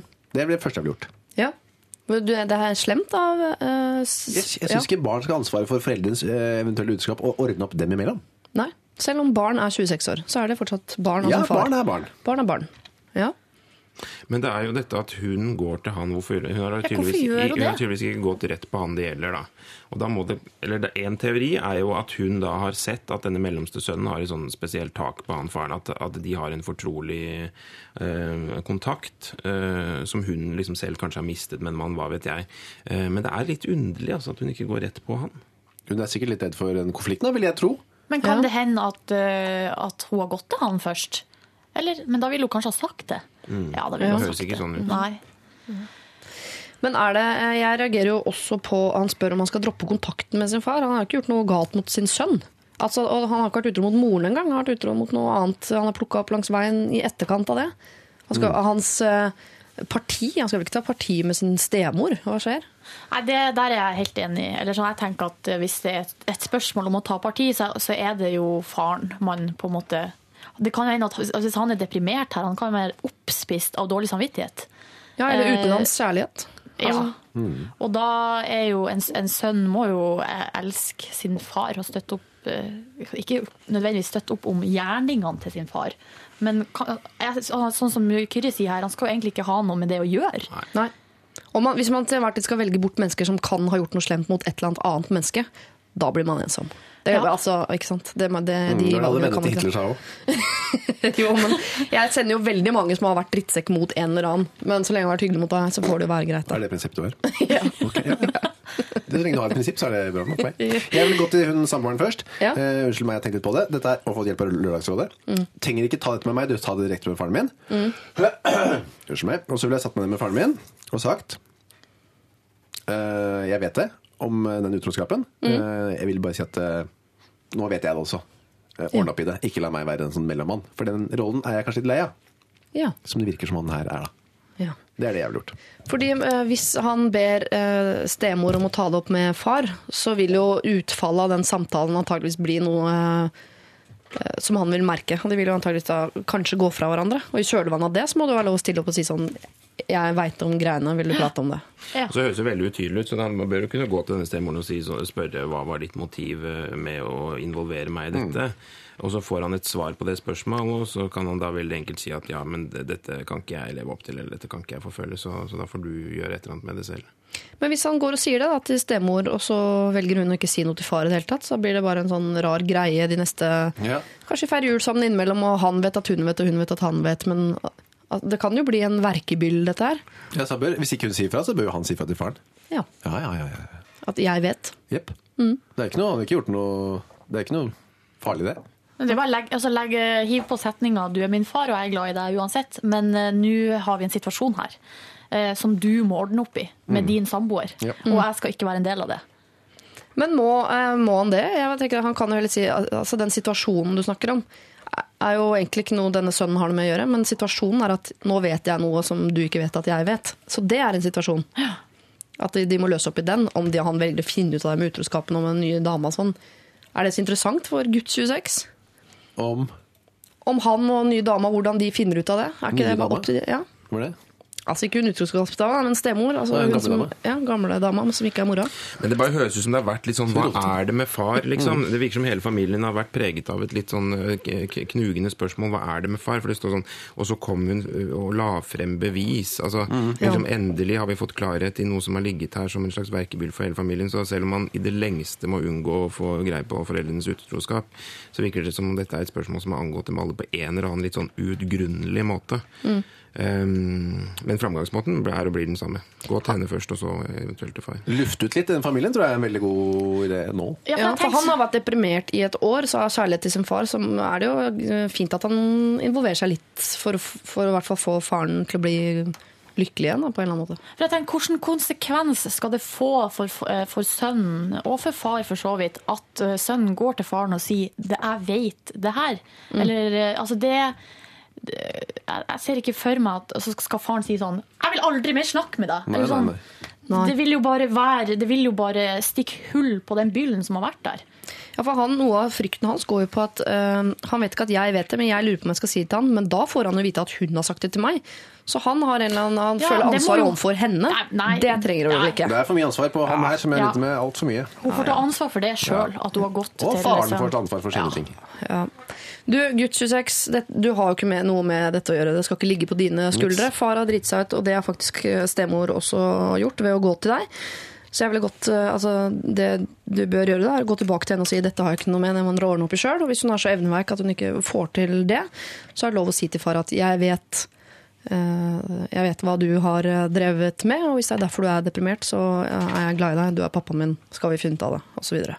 Det får være rekkefølgen. Han er sikkert en eh, veldig megleraktig og flott type. da, Pålitelig type, han eh, som sender inn her. Det skal han ta som et kompliment. Gutt 26 Han, er jo eh, en venn av Lørdagsrådet herfra og ut, altså til Ja, evig ja, tid. ja. Det kan sikkert brukes til andre sånne megleroppdrag når han har fått dette litt på avstand. Ja, F-en og sånn. Hva sa du nå? Ta, ta det helt i internasjonal politikk. Det kan han helt sikkert gjøre, kanskje. Vi ses i politikken. Eh, Lørdagsrådet har en mailadresse lralfkrøll.nrk.no, eller så når du oss på SMS hvis du har en replikk eller et annet problem. P3 til 1987. Lørdagsrådet med Siri Kristiansen. På P3. P3. Alfred Hall, Safe and eh, Sound. Vi skal ta en SMS som har kommet inn, som jeg føler vi må ta eh, nå, for den er eh, sesongrelatert. Så vil virke ekstremt bakpå om vi venter bare noen uker. Og her står det Æsj! Dama mi spiser snø. Riktignok bare hvit snø, som hun sier, ikke fra brøytekanter osv., men likevel. Vi er 26 og 27 år gamle, og selv om det der med mark visstnok bare er skremselspropaganda, så er det vel litt ekkelt. Nei! Så det er ikke et problem egentlig vi skal løse, men vi skal, her skal vi bli enige med hun om at spising av snø er greit, eller han om at det er ekkelt. Jeg skjønner ikke hvorfor det skal være ekkelt. Jeg, jeg, kan- Velg side. jeg velger uh, eh, som spiser snø til side. Samme her. Jeg spiser snø hele tida. Det er godt. Gjør det? Mest om vinteren, eller? Mest om vinteren, ja. Ja. Hvis jeg er på tur, Jeg eller ser ute på sånne lekeplasser og sånn at eh, foreldre er blitt mer eh, Altså I takt med at folk tror mindre på Gud og samfunnet er blitt mer sekulært, og sånn, så tror folk også mindre på det der med at uh, du får krokodiller i magen av å spise snø. helt tydelig. For det er veldig mange voksne, altså foreldre, som lar barna spise snø nå på lekeplasser. har jeg lagt merke oh, ja. til. Så Så det brer om seg. Så hun var jo mer en slags sånn ty pionertype. Dette har hun nok holdt på med hele livet. Ja. Det er rart å begynne med det det er rart å begynne i voksen alder. Men på den annen side, jeg kunne tenkt meg, hvis det er sånn at det ikke er så farlig, kunne tenkt meg å begynne å spise noe nå. Det er med sesongen er litt på hell. Litt på hell, ja. Ja. Men jeg føler kanskje at eh, snøen i hovedstaden, der vi befinner oss nå, den føler jeg er forurensa. Den smaker ikke like godt. Så, men hvis man er i, ja, i Nord-Norge, der jeg kommer fra, i skogen, da smaker det godt. Jeg ville vært mer skeptisk i Nord-Norge, hvor du ofte får med noe sånn greier fra Kolahalvøya nedover. Becquerel, Becquerel. Plutselig føler du et liksom- eller annet fryktelig rart en dag. Jeg bor ikke på grensa til Russland. Det er ikke der jeg Nei, kommer men fra. nærmere Russland enn oss nede i gryta, da, for å si det på den måten. Men spørsmålet er, altså, er dette hennes hovedinteresse? Drar de på egne turer rundt omkring for at hun skal få Er hun purist, liksom? Snøen skal være en viss kvalitet? Sånn. Det kan bli litt mye, da. Og hvis hun vil ha snø framfor annen mat, f.eks. når de skal spise middag, altså hun eh, insisterer på å spise snø hele døgnet, så skjønner jeg at det er et problem. Og at må Ja. ha det kaldt inne for at snøen ikke skal smelte. Også, så er Og det. henter seg et snø i fryseren nå. I så fall eh, kan jeg Men det er ikke æsj likevel. Det er bare sånn Nei. åh, snø igjen, liksom. Det, ja, det er mørkt. Boring. Ja. Men, men, var hun ikke dette noe man solgte en periode? hvor Man kjøpte noe som het shave-is, hvor det var altså en isblokk som ble skrapt til sånn puddersnø, og så fikk man forskjellig sånn eh, jordbærsaft helt over. Så spiste man snø med jordbær og banansmak osv. Mm. Kjempepopulært. Shave-is heter det. Shave-is? Ja, shave-is, fordi man shavet en isblokk. Æsj, men det jeg husker med det der, var at de smakene var ikke noe gode. Og du ville bare hatt snøen, du. Eh, Ja, for at eh, den pure, gode snøen. med litt sånn eh, radioaktivt Mm. avfall smaker mye bedre. Men konditorfarge og sånn brukte du kanskje? Nei. Men hvorfor er det æsj? Hvis det nå fordi eh, Det er ikke æsj. Det er ikke Og så tenker jeg at Det sier litt om hennes personlighet. For det er vel naturbarntypen som spiser snø. tenker jeg. Altså De er litt sånn fri og freidige og, og sånn. Så antageligvis har- har det en rekke andre gode Altså Det fører med seg en rekke andre gode egenskaper hos dette mennesket. Hun er sånn fri og herlig. ja, litt sånn dansk. Ja. Litt dansk. Er det dans det spises spise snø? Nei, det er sånn fri og sånn folk som går barbeint og lukter naturlig godt. Mm, Det er veldig dansk. Ja. Føler jeg. Men det, er, det kan jeg bare forsikre om, for, det, jeg- for jeg også er en snøspiser. Spiser mye snø, syns det er godt. Og jeg sjekket det der. Jeg begynte å spise snø i ung alder for, nettopp fordi jeg ville ha mark i magen. For jeg trodde det var det samme som bendelorm og tenkte jeg kunne bli tynn på den måten. Eh, Det er jo ikke sant. Men nå, jeg fortsetter å spise snø nå, og det er, hvis det er mark i snø, så er det mark fra hundebæsj. Og jeg spiser ikke den snøen som ligger akkurat rundt hundebæsjen. Den Nei, det prøver er jeg å sikkert en grei regel å ha. Ja, den prøver jeg å unngå. Men hvis to av fire her i rommet, eller to- av fem da, Mm. i rommet spiser snø, så er det mye mer utbredt egentlig blant voksne enn jeg var klar over. Ja, tre, altså Både Silje, Kyrre og jeg spiser vel snø. Jeg spiser, jeg spiser lite snø. Ja. Men hvis jeg for eksempel er på fjellet, da, på Østlandet, eh, hvor det er veldig god snø for øvrig, litt sånn Ja. oppe i Fine Telemark fjell, og så videre. fjell. Der er det god snø. Eh, og hvis jeg, der må hvis jeg er tørst. Det er ikke sant, om Ja. jeg er så småsulten jeg har lyst på litt snø. Det smaker så godt med snø. Det er sant, men det er jo, ja, det er jo fordi, og det er jo grunnen til at det blir så godt, er jo fordi at man kanskje har gått på ski, Ja, er er tørst, sant? og så er det godt. Sutter man på litt snø? Jeg får litt lyst på snø nå. Jeg tenker på det Jeg har litt lyst på snø, faktisk. snø? Nei, vi har for lite snø i P3s lokaler. OK. Eh, er det litt ekkelt? Nei. Spis snø sjøl, du. Ja. eh, med mindre det er istedenfor andre måltider, eller du spiser en snø som er akkurat rundt hundebæsj osv. Så, videre. så nei, eh, vi syns flere folk burde begynne å spise snø, rett og slett. Altså, ikke ta vannreservoarene våre. Mhm. Det er greit at vi har mye vann, men tenk litt på det i Afrika, f.eks. Ja. Eh, så nei, du, du fikk null medhold her i Lørdagsrådet i dag. Sorry. Eh, dessverre. P3. Dette er Lørdagsrådet med Siri Kristiansen. Sara Larsson, Uncover, har eh, vi hørt her i eh, Lørdagsrådet. Og vi skal ta et eh, problem som har overskriften 'Gay Facebook porn', folkens. Folkens er da Kyrre Holm Johannessen, Silje Therese E., Reiten Nordnes og Hans Olav Brenner. Kjære Lørdagsrådet. Jeg har et dilemma som jeg håper dere kan hjelpe meg med. Jeg har en ca. 50 år gammel kollega, la oss kalle han Jens. Jens er en ålreit type, han, om enn noe lukket for oss kollegaer. For et par måneder siden var flere av oss ute og tok noen enheter med alkohol etter arbeidstid, og denne kvelden fortalte Jens at han var homofil. Eh, Foreløpig ikke noe veldig spennende, men det kommer, står i parentes. Han er, er god på teasing. Så, for ca. en måned siden fikk Jens Facebook, og flere anbefalte venner i fleng. En del venner senere, og tidligere denne uken så jeg at Jens hadde kommentert et bilde i gruppen Gay Fetish Dreams. Dette kom opp i min newsfeed, og jeg vet det har kommet opp i flere andres newsfeed også. Her kommer vi altså til kjernen i mitt dilemma. Jeg tror ikke Jens 50 år, jeg bare minner om det, vet at kommentarer, likes og slikt lett dukker opp i andres newsfeed. Skal jeg si det til han, slik at andres eh, newsfeed ikke får gayporn? Eh, Jeg, jeg tenker at det er helt greit å se på porno på Facebook. Eh, Veldig drøyt i Facebook å være dog. Jeg vil ikke at han skal gjøre noe han ikke vet at han gjør, og som han eh, kan synes blir fryktelig vondt og vanskelig senere. Kan dere hjelpe meg med hva jeg skal gjøre? Er det noen link de på Kan vi ikke bare søke på det på Facebook? Jo. Hva heter? Gay Fetish, Gay Fetish Dreams. Skal søke på den når jeg kommer hjem. Ja. Ja. Men er det Ja, for det er, ikke- det er ikke lov med porno på Facebook, er det det, da? Nei, men det må jo være, men det kan ikke være noe kjønnsorgan i bevegelse, det vi må, for at det er ikke lov. Det fjerna de. Ja. Ja. Men det hørtes ut som han hadde fortalt dette litt i fortrolighet, at han var homofil. Det var ikke et helt åpent eh, faktum. Han eh, sier hilsen gay boy Oslo 26, så han er antageligvis også homofil selv. Så det kan være eh, derfor at han har blitt Men da på spørsmål om han skal si fra, så er jo svaret ja. Ja. Ja, hvordan da? Mannen Da er 50 år. Nei, du sier hei. Det kommer opp på feeden, alle ser på hva du liker. Fordi det er jo ikke, noe, det er jo ikke så flaut, det. Han er inne i en gruppe på Face, liker noen greier, eh, og så bare vet han ikke at det vises for alle. Nei. Det er ikke så farlig det, å si fra om det. Nei, det er ikke farlig. det. Men ville kanskje sagt Du vet at uh, vi ser at du liker gay boy porn fetish i arbeidstida? Du vet at vi vet at gjøre gjør det? Du sier det på litt sånn, tullet, litt sånn med glimt i øyet. Ja. Så tror jeg han eh, kommer. Hallo, ja, der er Siri inne på. Nå er jeg inne på Gay Fetish Dreams. Ja, Det er bilde av en mann som er bundet fast med noe kjetting eh, og har en slags ball i munnen øverst. Det er menn i bare Nærbilde Det er jo bare menn i bar overkropp, ja. menn i dronning. overkropp, ja. Jo, jo, men det er jo ikke sant? Det er, ikke noe, det er jo ikke noe vi ikke har sett før innpå her, men det sender ut signal til kollegaer Ja. om hva du driver med. Ja, Mest det at han ikke jobber, tenker jeg da, det er det verste oh, ja. signalet. Ja. Det, ja, det er ikke noe annet å bekymre seg for å se på en mann i bare overkropp sånn på den måten der. I, I 2013 er det ikke det. Nei, jeg bare tenker noe med eh, Det er noe sånn alders eh, her også. Han er fem, det er han på 50 på jobben. Men han har nettopp på blitt med på Facebook òg. Det er jo det Ja, som det er at det er at 50 år han nettopp blitt med. Og så tenker jeg, det, det, Alt kommer an på hvordan han formidlet dette, at han var homofil i den settingen på bar, eller hva det var for noe. Mm. Var det et litt sånn uh, undertrykt faktum, eller var det noe han var helt åpen på og fri og herlig type, så, så er det ikke noe problem. Men hvis det var litt vanskelig å si det, så bør han gi han et lite hint om Men det er jo et eller annet med at selv om man er åpen, så, og det er jo hvis man er holdt på å si, åpen heterofil òg, så er det jo et eller annet med at det vises for alle at du sitter og liker sånn derre uh, fett, Altså det trenger ikke å være gay fetish dreams, det kan bare være fetish dreams. Eller bare dreams. Eller bare dreams. sant? Så du vil jo Jeg tenker jo at et, et godt eh, Det er jo litt godt at man kan like ting, og så vises det ikke for alle. Ja. Men hvordan eh, kan det være en skånsom måte å ta det på også? For han beskriver jo Jens som en ålreit type, men noe lukket for kollegaer. Så det er jo en, er jo en litt sånn eh, Det er antageligvis ikke han som holder tale eller synger karaoke på jobbfester og sånn her. En sånn stille type.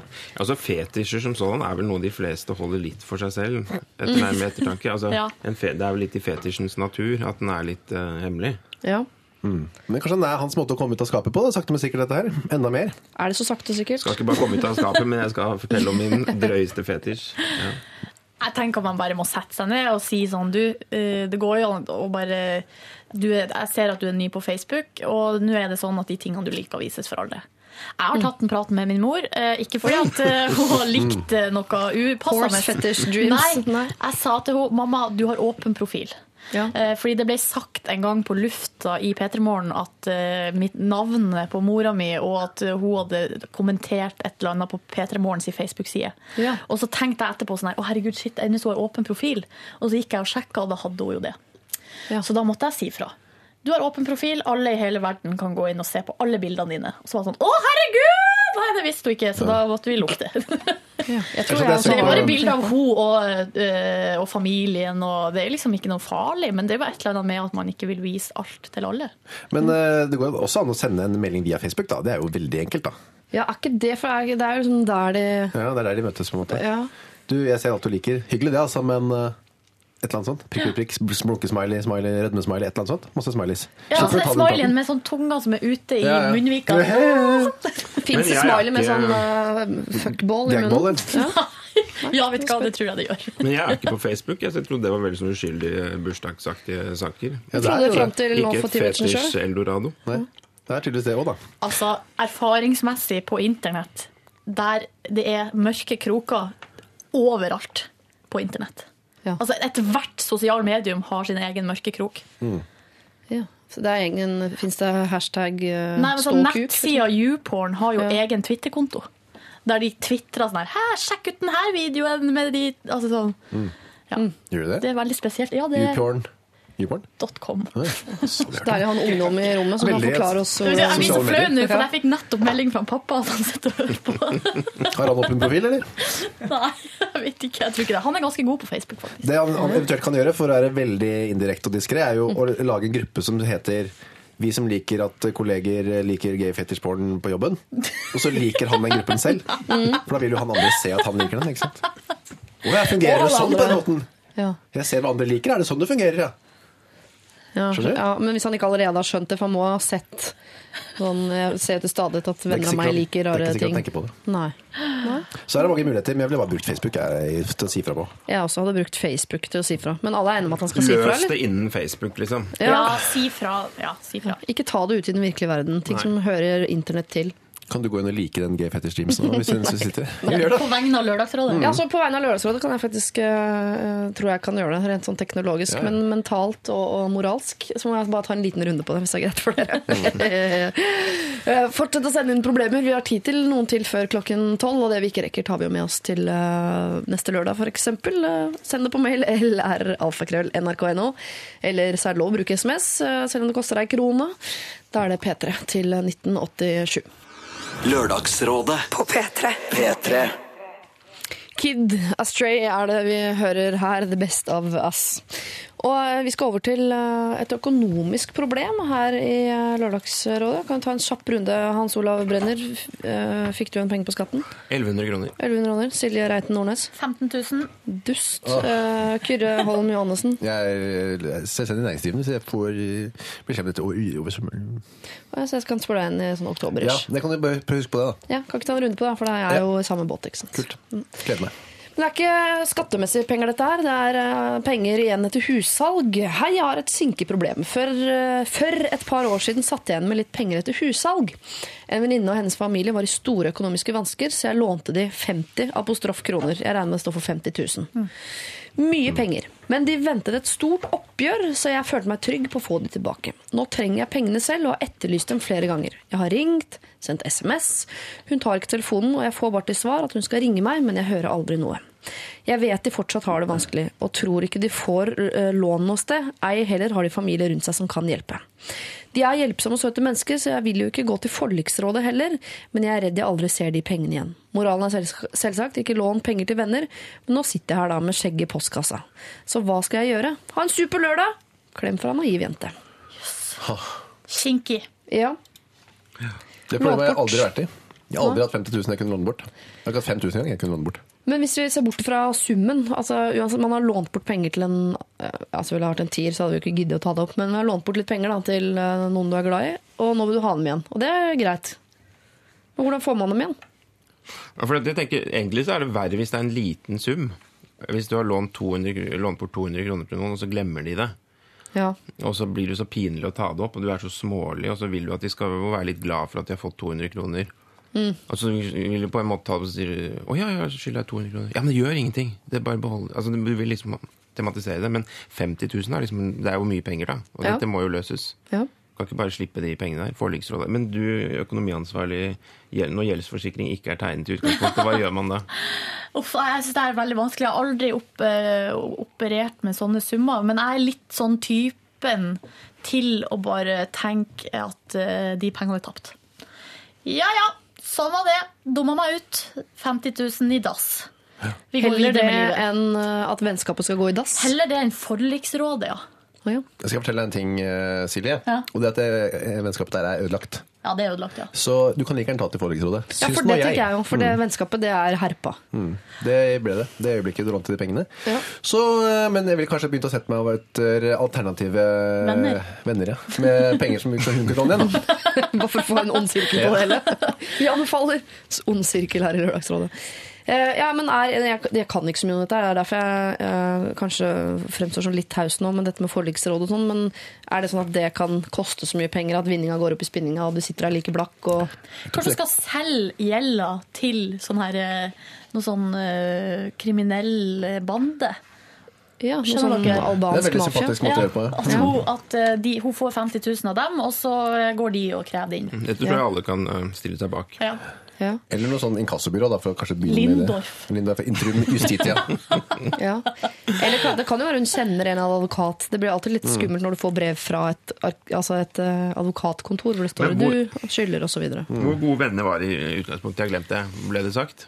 En venninne og hennes familie var i store økonomiske vansker, er det som står. Ja, for Ideelt sett bør jo folk være sånn at ja, vet du hva. 50, det kostet 50 000 å hjelpe disse vennene mine.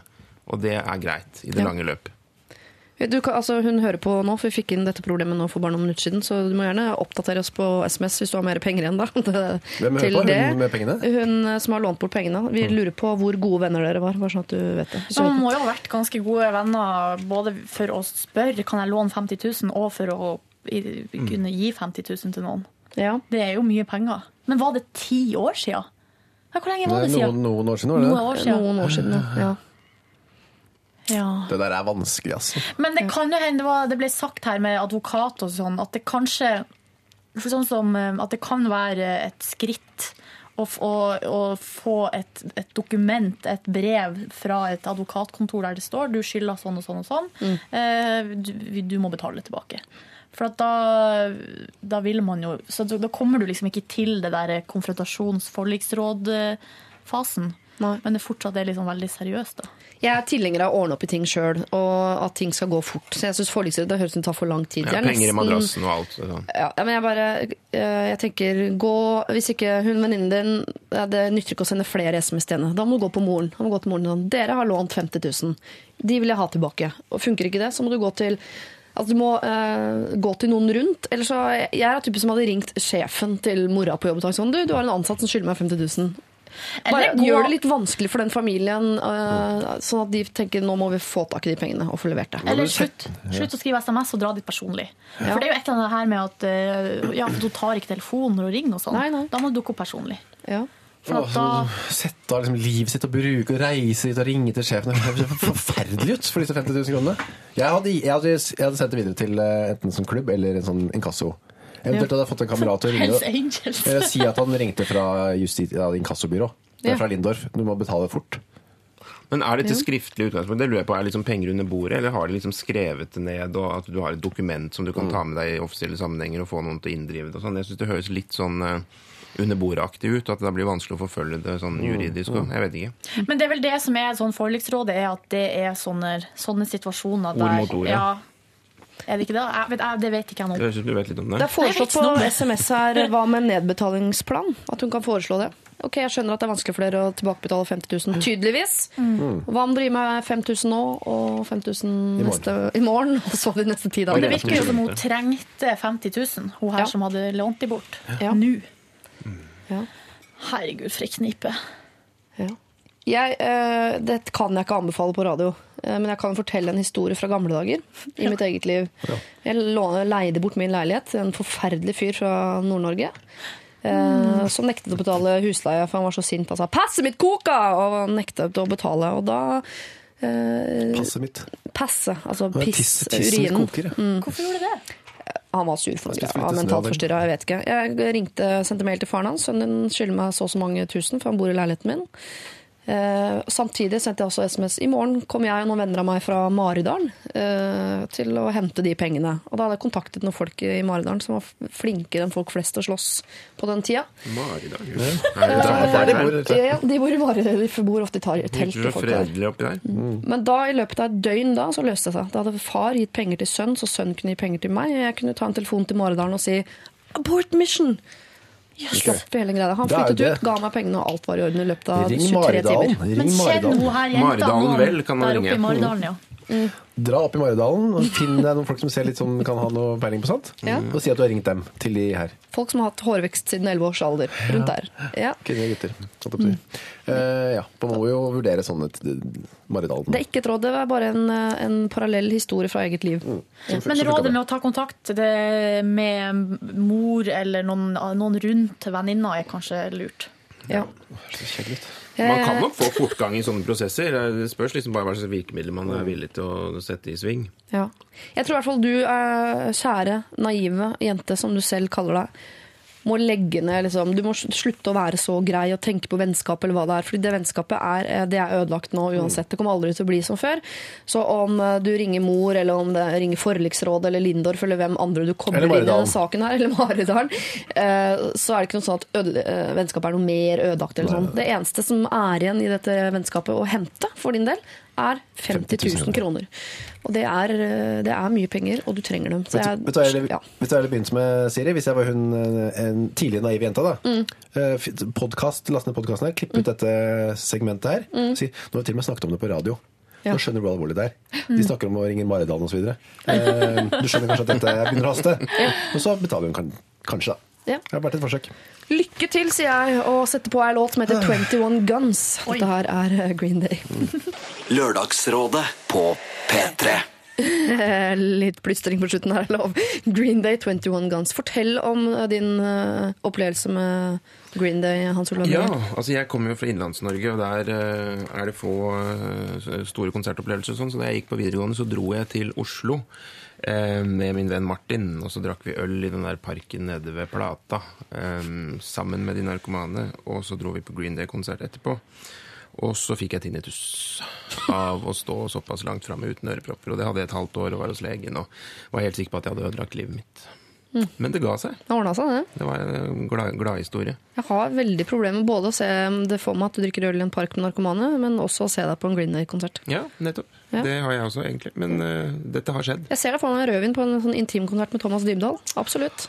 Oi, oi, oi. Ja, nei, nei, man har da levd. Hvor fint er det. Uh, Vi har prøvd å, å snakke om økonomiske problemer, og det er, altså, det er jo ingen av oss som er utdannet økonomer, så vidt jeg vet. Jeg Det er overraskende noen- når du hører oss snakke, faktisk. Absolutt. Mm. Jeg har fått noen tilbakemeldinger på det. Jeg kan jo bare begynne med en tilbakemelding fra en som heter Sarkis, som er 16 år, skriver Hei, jeg vil bare si at dere er flinke. Jeg vil bare begynne der. Åh, sånn at, takk. Heter han Sarkis? Og så kommer eh, risen etterpå. Og står at han heter Sarkis, eller så er det sarkasme. Dette det han sa om at dere er flinke. Det vet jeg ikke. En skriver her ingen glemmer at de har lånt penger. Og det tok jo ikke en runde på, men det er ikke sånn at denne familien ikke er klar over at de har lånt 50 000. Så det er ikke noe, det er ikke noe unnskyldning for å ikke ha tilbakebetalt. Eh, Men eh, hun som har lånt bort disse 50 000, har sendt oss en melding. Hun skriver Vi jobbet sammen noen år, har lite kontakt med dem i dag, da jeg jo flyttet. Vi var ikke kjempenære, men det hjalp meg veldig med praktiske gjøremål. Utfordringen er bare at de fremdeles har det tøft selv. Og ja, det var 50 000. Smilefjes, smilefjes. Ser jeg helt herfra. Ja, to dobbelt med smilefjes. Altså, de har aldri vært spesielt nære venner, men de jobbet sammen. Så jeg skjønner det med at du kaller deg naiv og låner bort 50 000 du, til noen på når du sier naiv, så jeg, syns jeg også hun skal gi seg selv en eh, honnør for å være såpass greit. Hun låner 50 000 til noen hun jobbet litt sammen med. Ja. Men de hadde et- hjulpet henne, da, så det var vel kanskje hun følte. Med praktiske gjøremål. Ja. Men likevel, jeg syns hun skal ikke bare være naiv, sånn rakkes ned på det, nærmest um, knallharde Maridals-mafiavennen der borte, men også at hun er tydeligvis et godt menneske med stort hjertelag. ja Da. da, men naive mennesker er ofte veldig snille, ikke sant? og så har det bare gått litt langt. Ja, det er bra at de fins, Ja. jeg. da. Absolutt. Hun med økonomien regner med at dette er gjort over nettbank, og da kan du jo printe ut kvitteringen på det og gi til nærmeste lensmann. Forliksrådet er veldig dyrt, eller som dere sa, ring sjefen hennes. Alle ville reagert hvis man har en ansatt som skylder 50 000, og ikke står for det. Hilsen en postmann. Men vi har også fått melding fra en advokat som jeg mener at antageligvis har eh, en sterkere stemme i dette her. En? Hans, eh, en sterkere stemme. En postbude? Ja, Ja. fordi en advokat antageligvis Ja, kan men ikke en oss. Ja, nei, nei. nei, nei. Ikke en oss, nei. Hallo! Ikke koble inn advokat. Det er dyrt og gjør vondt verre. Hilsen advokat. Jeg tror det med sjefen også gjør vondt verre. Altså, jeg vil bare ha sagt det. Ja. Men eh, Det med mafiaen også kan, kan også gjøre ting vondt Ja, det var som sagt ikke et råd, bare en uh, historie fra eget ja, tung undertekst. liv. Tung undertekst. Men det ble jo sagt her at familien fortsatt hadde det uh, Tøft. tøft. da, den her familien som har lånt penger. Og da er kanskje nedbetalingsplan det beste. Ja. Møt opp, ikke ring, ikke send SMS. Dra hjem til dem. Si hei, vi, det her, vi må finne løsning. Hei ho. Eh, Nå betaler dere 2000 i eh, måneden. I, og så kan jeg ikke regne, men det blir noen måneder fremover. Det blir Da. noen måneder. Det er helt riktig. Ti måneder blir det. Kan du ikke ringe han eh, Hallgeir fra Luksusfellene, så kan han være med på det Er det han treffet? Ja. Setter de seg ned, så går de hjem, setter de opp sånne tusenlapper på sånn tavle. Så mye har dere til mat Ja, i måneden? ja. Kanskje kan ta 2000 vekk og så gi til henne isteden. Ja, eller ringe, Hvis de har bodd på samme sted, så er det sikkert en lokal bank på det stedet og si sånn, kan vi i fellesskap sette opp en, en nedbetalingsplan med autotrekk til, fra den familien og Ja, til meg osv. Fordi hvis da får du beholdt ditt sånn uh, snille, grenseland, naive i- image, eh, og hvis det er sånn at du trenger 50 000 nå, og du tydeligvis er en eh, sterkere økonomisk person i samfunnet, så kan du låne 50 000 enn så lenge. Altså. Forbrukslån. For, ja, nei, lån 50 000 i banken, og så betaler du ned i samme takt som de betaler ned til deg. Jeg tror ikke på det der autotrekk-greien og langtidsplan. For jeg tror de har så dårlig råd i andre enden der at det, det, hvis du skal få tilbake de pengene, så må det på mystisk vis komme i et stort skinnende beløp. For sånn to, det, er 2000 i måneden som kommer bare støter støte på tom konto hele tiden. For du tror ikke de jobber engang, disse folka? Selv om de har det trangt? jeg tror at det er andre som har krav på pengene deres før. Jeg tror, dette kommer så langt ut i prioriteringsrekkefølgen, for de har andre fordringshavere som står foran i kø. Det er skikkelig suppete her, det skal vi Ja, være helt jeg er tilbake på forliksroller, der, selv om det er dyrt. Rett skal være rett. Ah, Dette vil vi ha oppdatering på. Det vil vi fra alle dere som får eh, hjelp av oss. Så vil vi gjerne høre hvordan det går. Fikk du igjen pengene? Blei dere sammen igjen? Dro dere til Syden? Osv. vi er nysgjerrige. Spiser hun fortsatt snø? Har du begynt? Osv. Hvordan gikk det med de lange puppene og den korte genseren? Sånne ting eh, vil vi gjerne vite. Vi lurer på hvordan det går med dere. Det er ikke, vi glemmer dere ikke med en gang vi er ferdige å, å snakke. Og da tar vi imot det også på den samme mailadressen. vi. Sorry, det er vi. lralfakrøll.nrk.no bruker du altså da. Lørdagsrådet På P3. P3. Mikael Pascal, what's life without losers? Det vet jeg ikke. Det kan jeg ikke svare på. Eh, I dagens lørdagsråd, som jo nærmer seg slutten, må sies, har vi en avokadospisende Silje fra mm. Bedre Morgen. Er det godt? Liker du det godt? Uten salt? Nei, salt og pepper. Det er salt og pepper på, ja. Jeg har vært og henta i skapet. ja. I know my way around. En kaffedrikkende Hans Olav eh, Brenner på kopp nummer sju nå, eller? Ja, noe sånt. Sju-åtte. Og eh, Kyrre Holm eh, Johansen som Har du sluttet å drikke kaffe nå? Nei, jeg sitter med en kopp her, jeg. Ja, ja. Kopp nummer Det er noe samme som Hans Olav. Det er litt for mye. Nei, jeg får sånn skjelving i pusterøret hvis det blir for mye kaffe. Oi. Har dere opplevd det? I pusterøret? I pust, akkurat som pusterøret skjelver. Jeg kjenner av og til at jeg får litt sånn eh, at hjertet er litt eh, overivrig. Ja. Er det et dårlig tegn? Det er sånn som Marit Bjørgen da hadde, da måtte hun slutte å gå på ski en stund. Ja. Jeg får veldig vondt i magen jeg, hvis jeg drikker for mye kaffe. Jeg tror det er sånn begynnende magesår som jeg må regulere. Oh, ja. Magesår på det er veldig femi, er, føler jeg. men magesår har gått litt ut av, mm. Av moten. Nå er det bare laktoseintoleranse og glutenallergi. Every other Det er hadde så jo magesår med folk med glutenallergi. Det var statussymbol på 80-tallet av magesår. Altså. Ja. Det er jo sånn, Jeg kjente masse folk som var innlagt med magesår. Åtte- Mutter'n trua alltid med det når vi herja og herpa ting som barn. Jeg får mavesår! Og så fikk hun det, da. Ok. eh, jeg Dette er et problem fra noen andre enn en min familie. Hei, jeg er en jente som har en samboer med en Som er samboer med en. Eh, Som hver gang han har vært på fylla med gutta boys, eh, vært på byen, kommer hjem og forteller det at han har fått spørsmål om eh, sex. Han på en måte skryter av det, sånn som i natt. da, når Han kom hjem og sa at den deiligste jenta på byen ville ha sex med han. At det var flere som sa de ville ha det med han. Han sier igjen og igjen at hadde, at hadde jeg, han vært fri, kunne, så kunne han hatt sex med så mange. Dette blir jeg såret av, og jeg sier det til han hver gang at jeg ikke liker å høre om det. Men han fortsetter. Er det jeg som er oversjalu her, eller prøver han å såre meg? Jeg synes vi først og fremst skal etablere Er dette noe Er det sånn man skal holde på?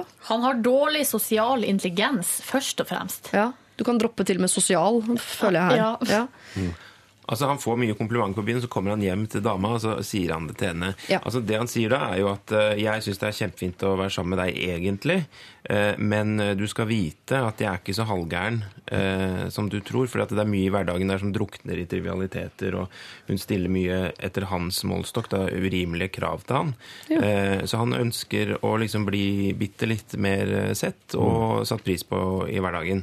Eh, han, har ikke, han har ikke noe ønske om å såre henne, han har ikke noe ønske om å gå fra henne, men han bare trenger litt sånn Han trenger en liten boost fra hennes kant. Han trenger, prøver han å minne henne på at han er attraktiv Yes. og ønsket på det åpne marked. Yes. Det er det han gjør, ja. Ja, Men dette var når han kom hjem, eller var det dagen etter? Nei, når han kom hjem. Så i fylla, da. Ja. Det er bare, jeg, jeg, altså, jeg skjønner jo at det kan være sånn åh, må du begynne med å trekke med det? Ja. Men det er, ikke det, verste, det er ikke det verste jeg har hørt. Nei. Det er ikke det. Nei. Så øh, det er mye verre med de som faktisk ligger med de jentene, for eksempel, og så drar hjem uten å fortelle om det. Ja, for Du skal alt, jo sette litt pris på at han er en utrolig ærlig fyr. for han, fyr, kunne jo, uh, han kunne jo vært den andre typen som ikke fortalte om det, og nettopp blei med hjem. Det er jo mye, mye verre. Men og han, han får vel sikkert en eller annen boost også, selvfølgelig, av å, å få bekreftet at han fortsatt liksom er en folk vil ha. Mm. Men kan han skryte av det til noen andre, eller? Lurer på om han skal gjøre det. ja. Men det går an å si det til han. Har du sagt det til han? Står det noe om det? Ja, hver gang.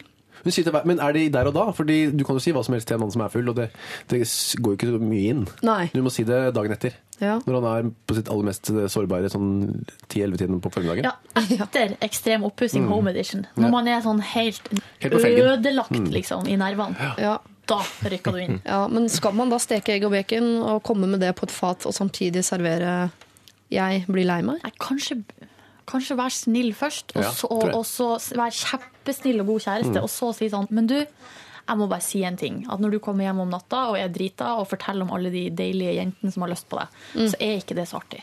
Nei. Men det er jo en ridderaktig oppførsel, tenker jeg Der, for han er ute på byen, han får veldig mye positiv oppmerksomhet, og så ønsker han å fortelle henne etterpå eh, hvor sterk han er eh, når han liksom motstår. Altså, det er en kjærlighetserklæring, rett og slett, som blir oppfattet som skryt og som sårende for hennes del. Så det er det motsatte av det hun tror, rett og slett. Så hvis hun blir såret, så er det vel sårende. Så, det, så enkelt er det, da. Eh, problemet er at han ikke vet det, kanskje. da. Ja. Kanskje hun må gjøre det tydeligere når han er edru. Men er, det er jo også et eller annet med Og uansett hvem du forteller det til, så syns jeg det er et eller annet litt spesielt med å drive og fortelle andre at man, eh, at man er så attraktiv. Ja. Det er så rart. Det er en rar ting å gjøre. Det er noe unorsk, det er noe unorsk over det.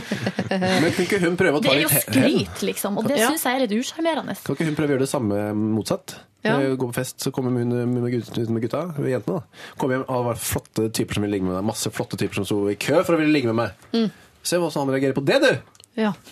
Kanskje det. Eller går det an å lære han opp i måten å Du skal få fortsette å, å skryte av at du er attraktiv og sånn, men hvis du samtidig bare smetter inn replikkene en sånn Det vil jeg aldri finne ut på å gjøre, for jeg vet at hjemme ligger liksom den aller deiligste av de alle, og den eneste jeg noensinne vil ligge med herfra og ut.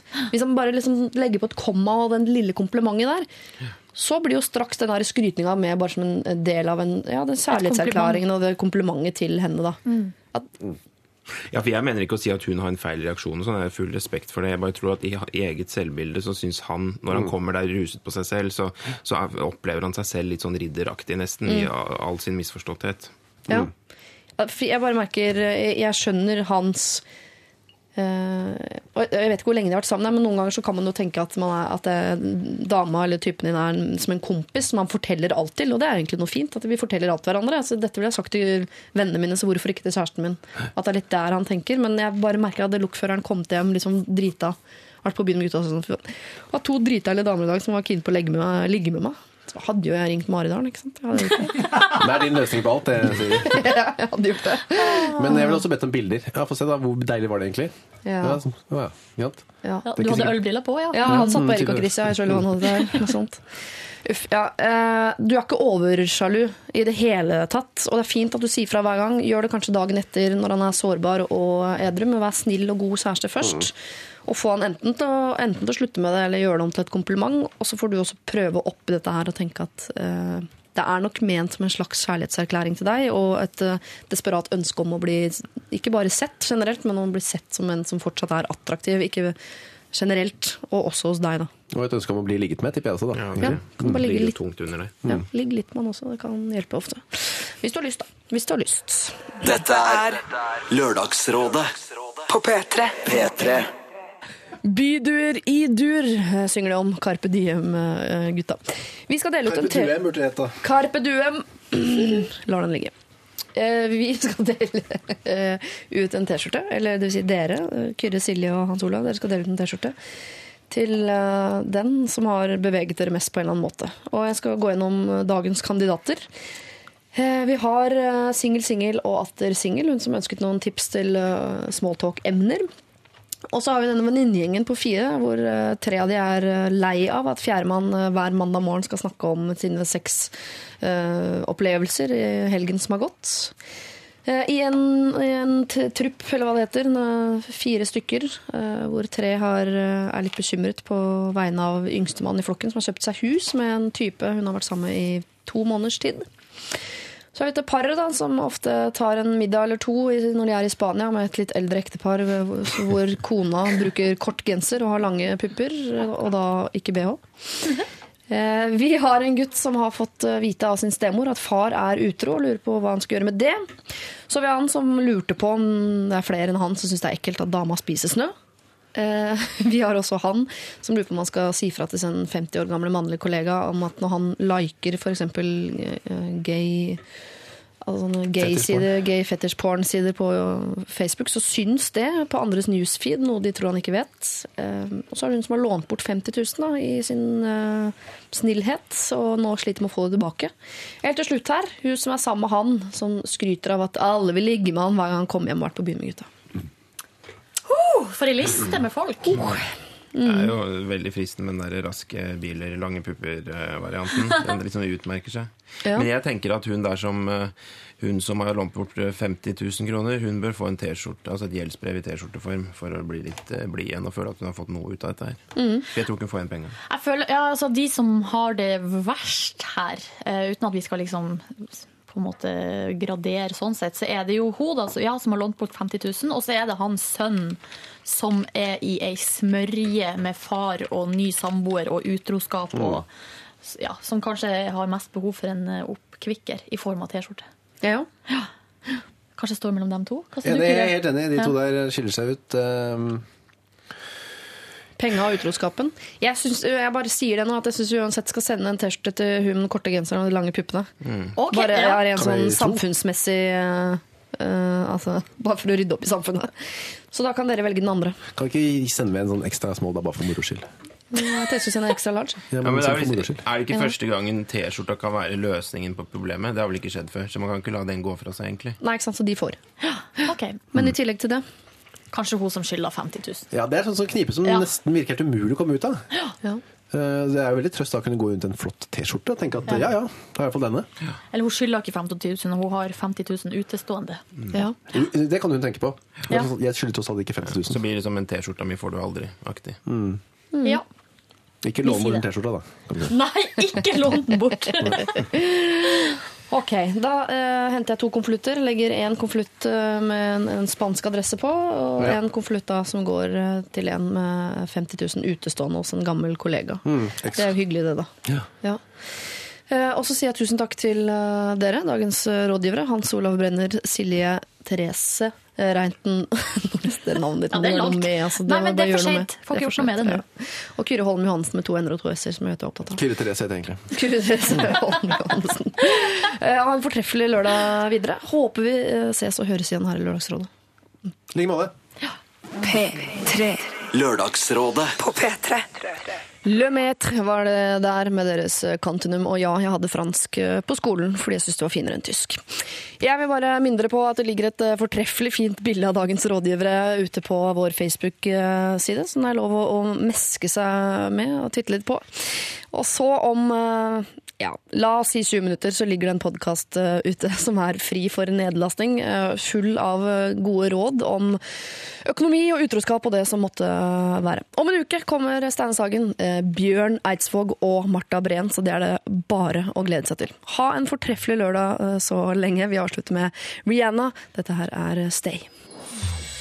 Dette er Lørdagsrådet På P3. P3.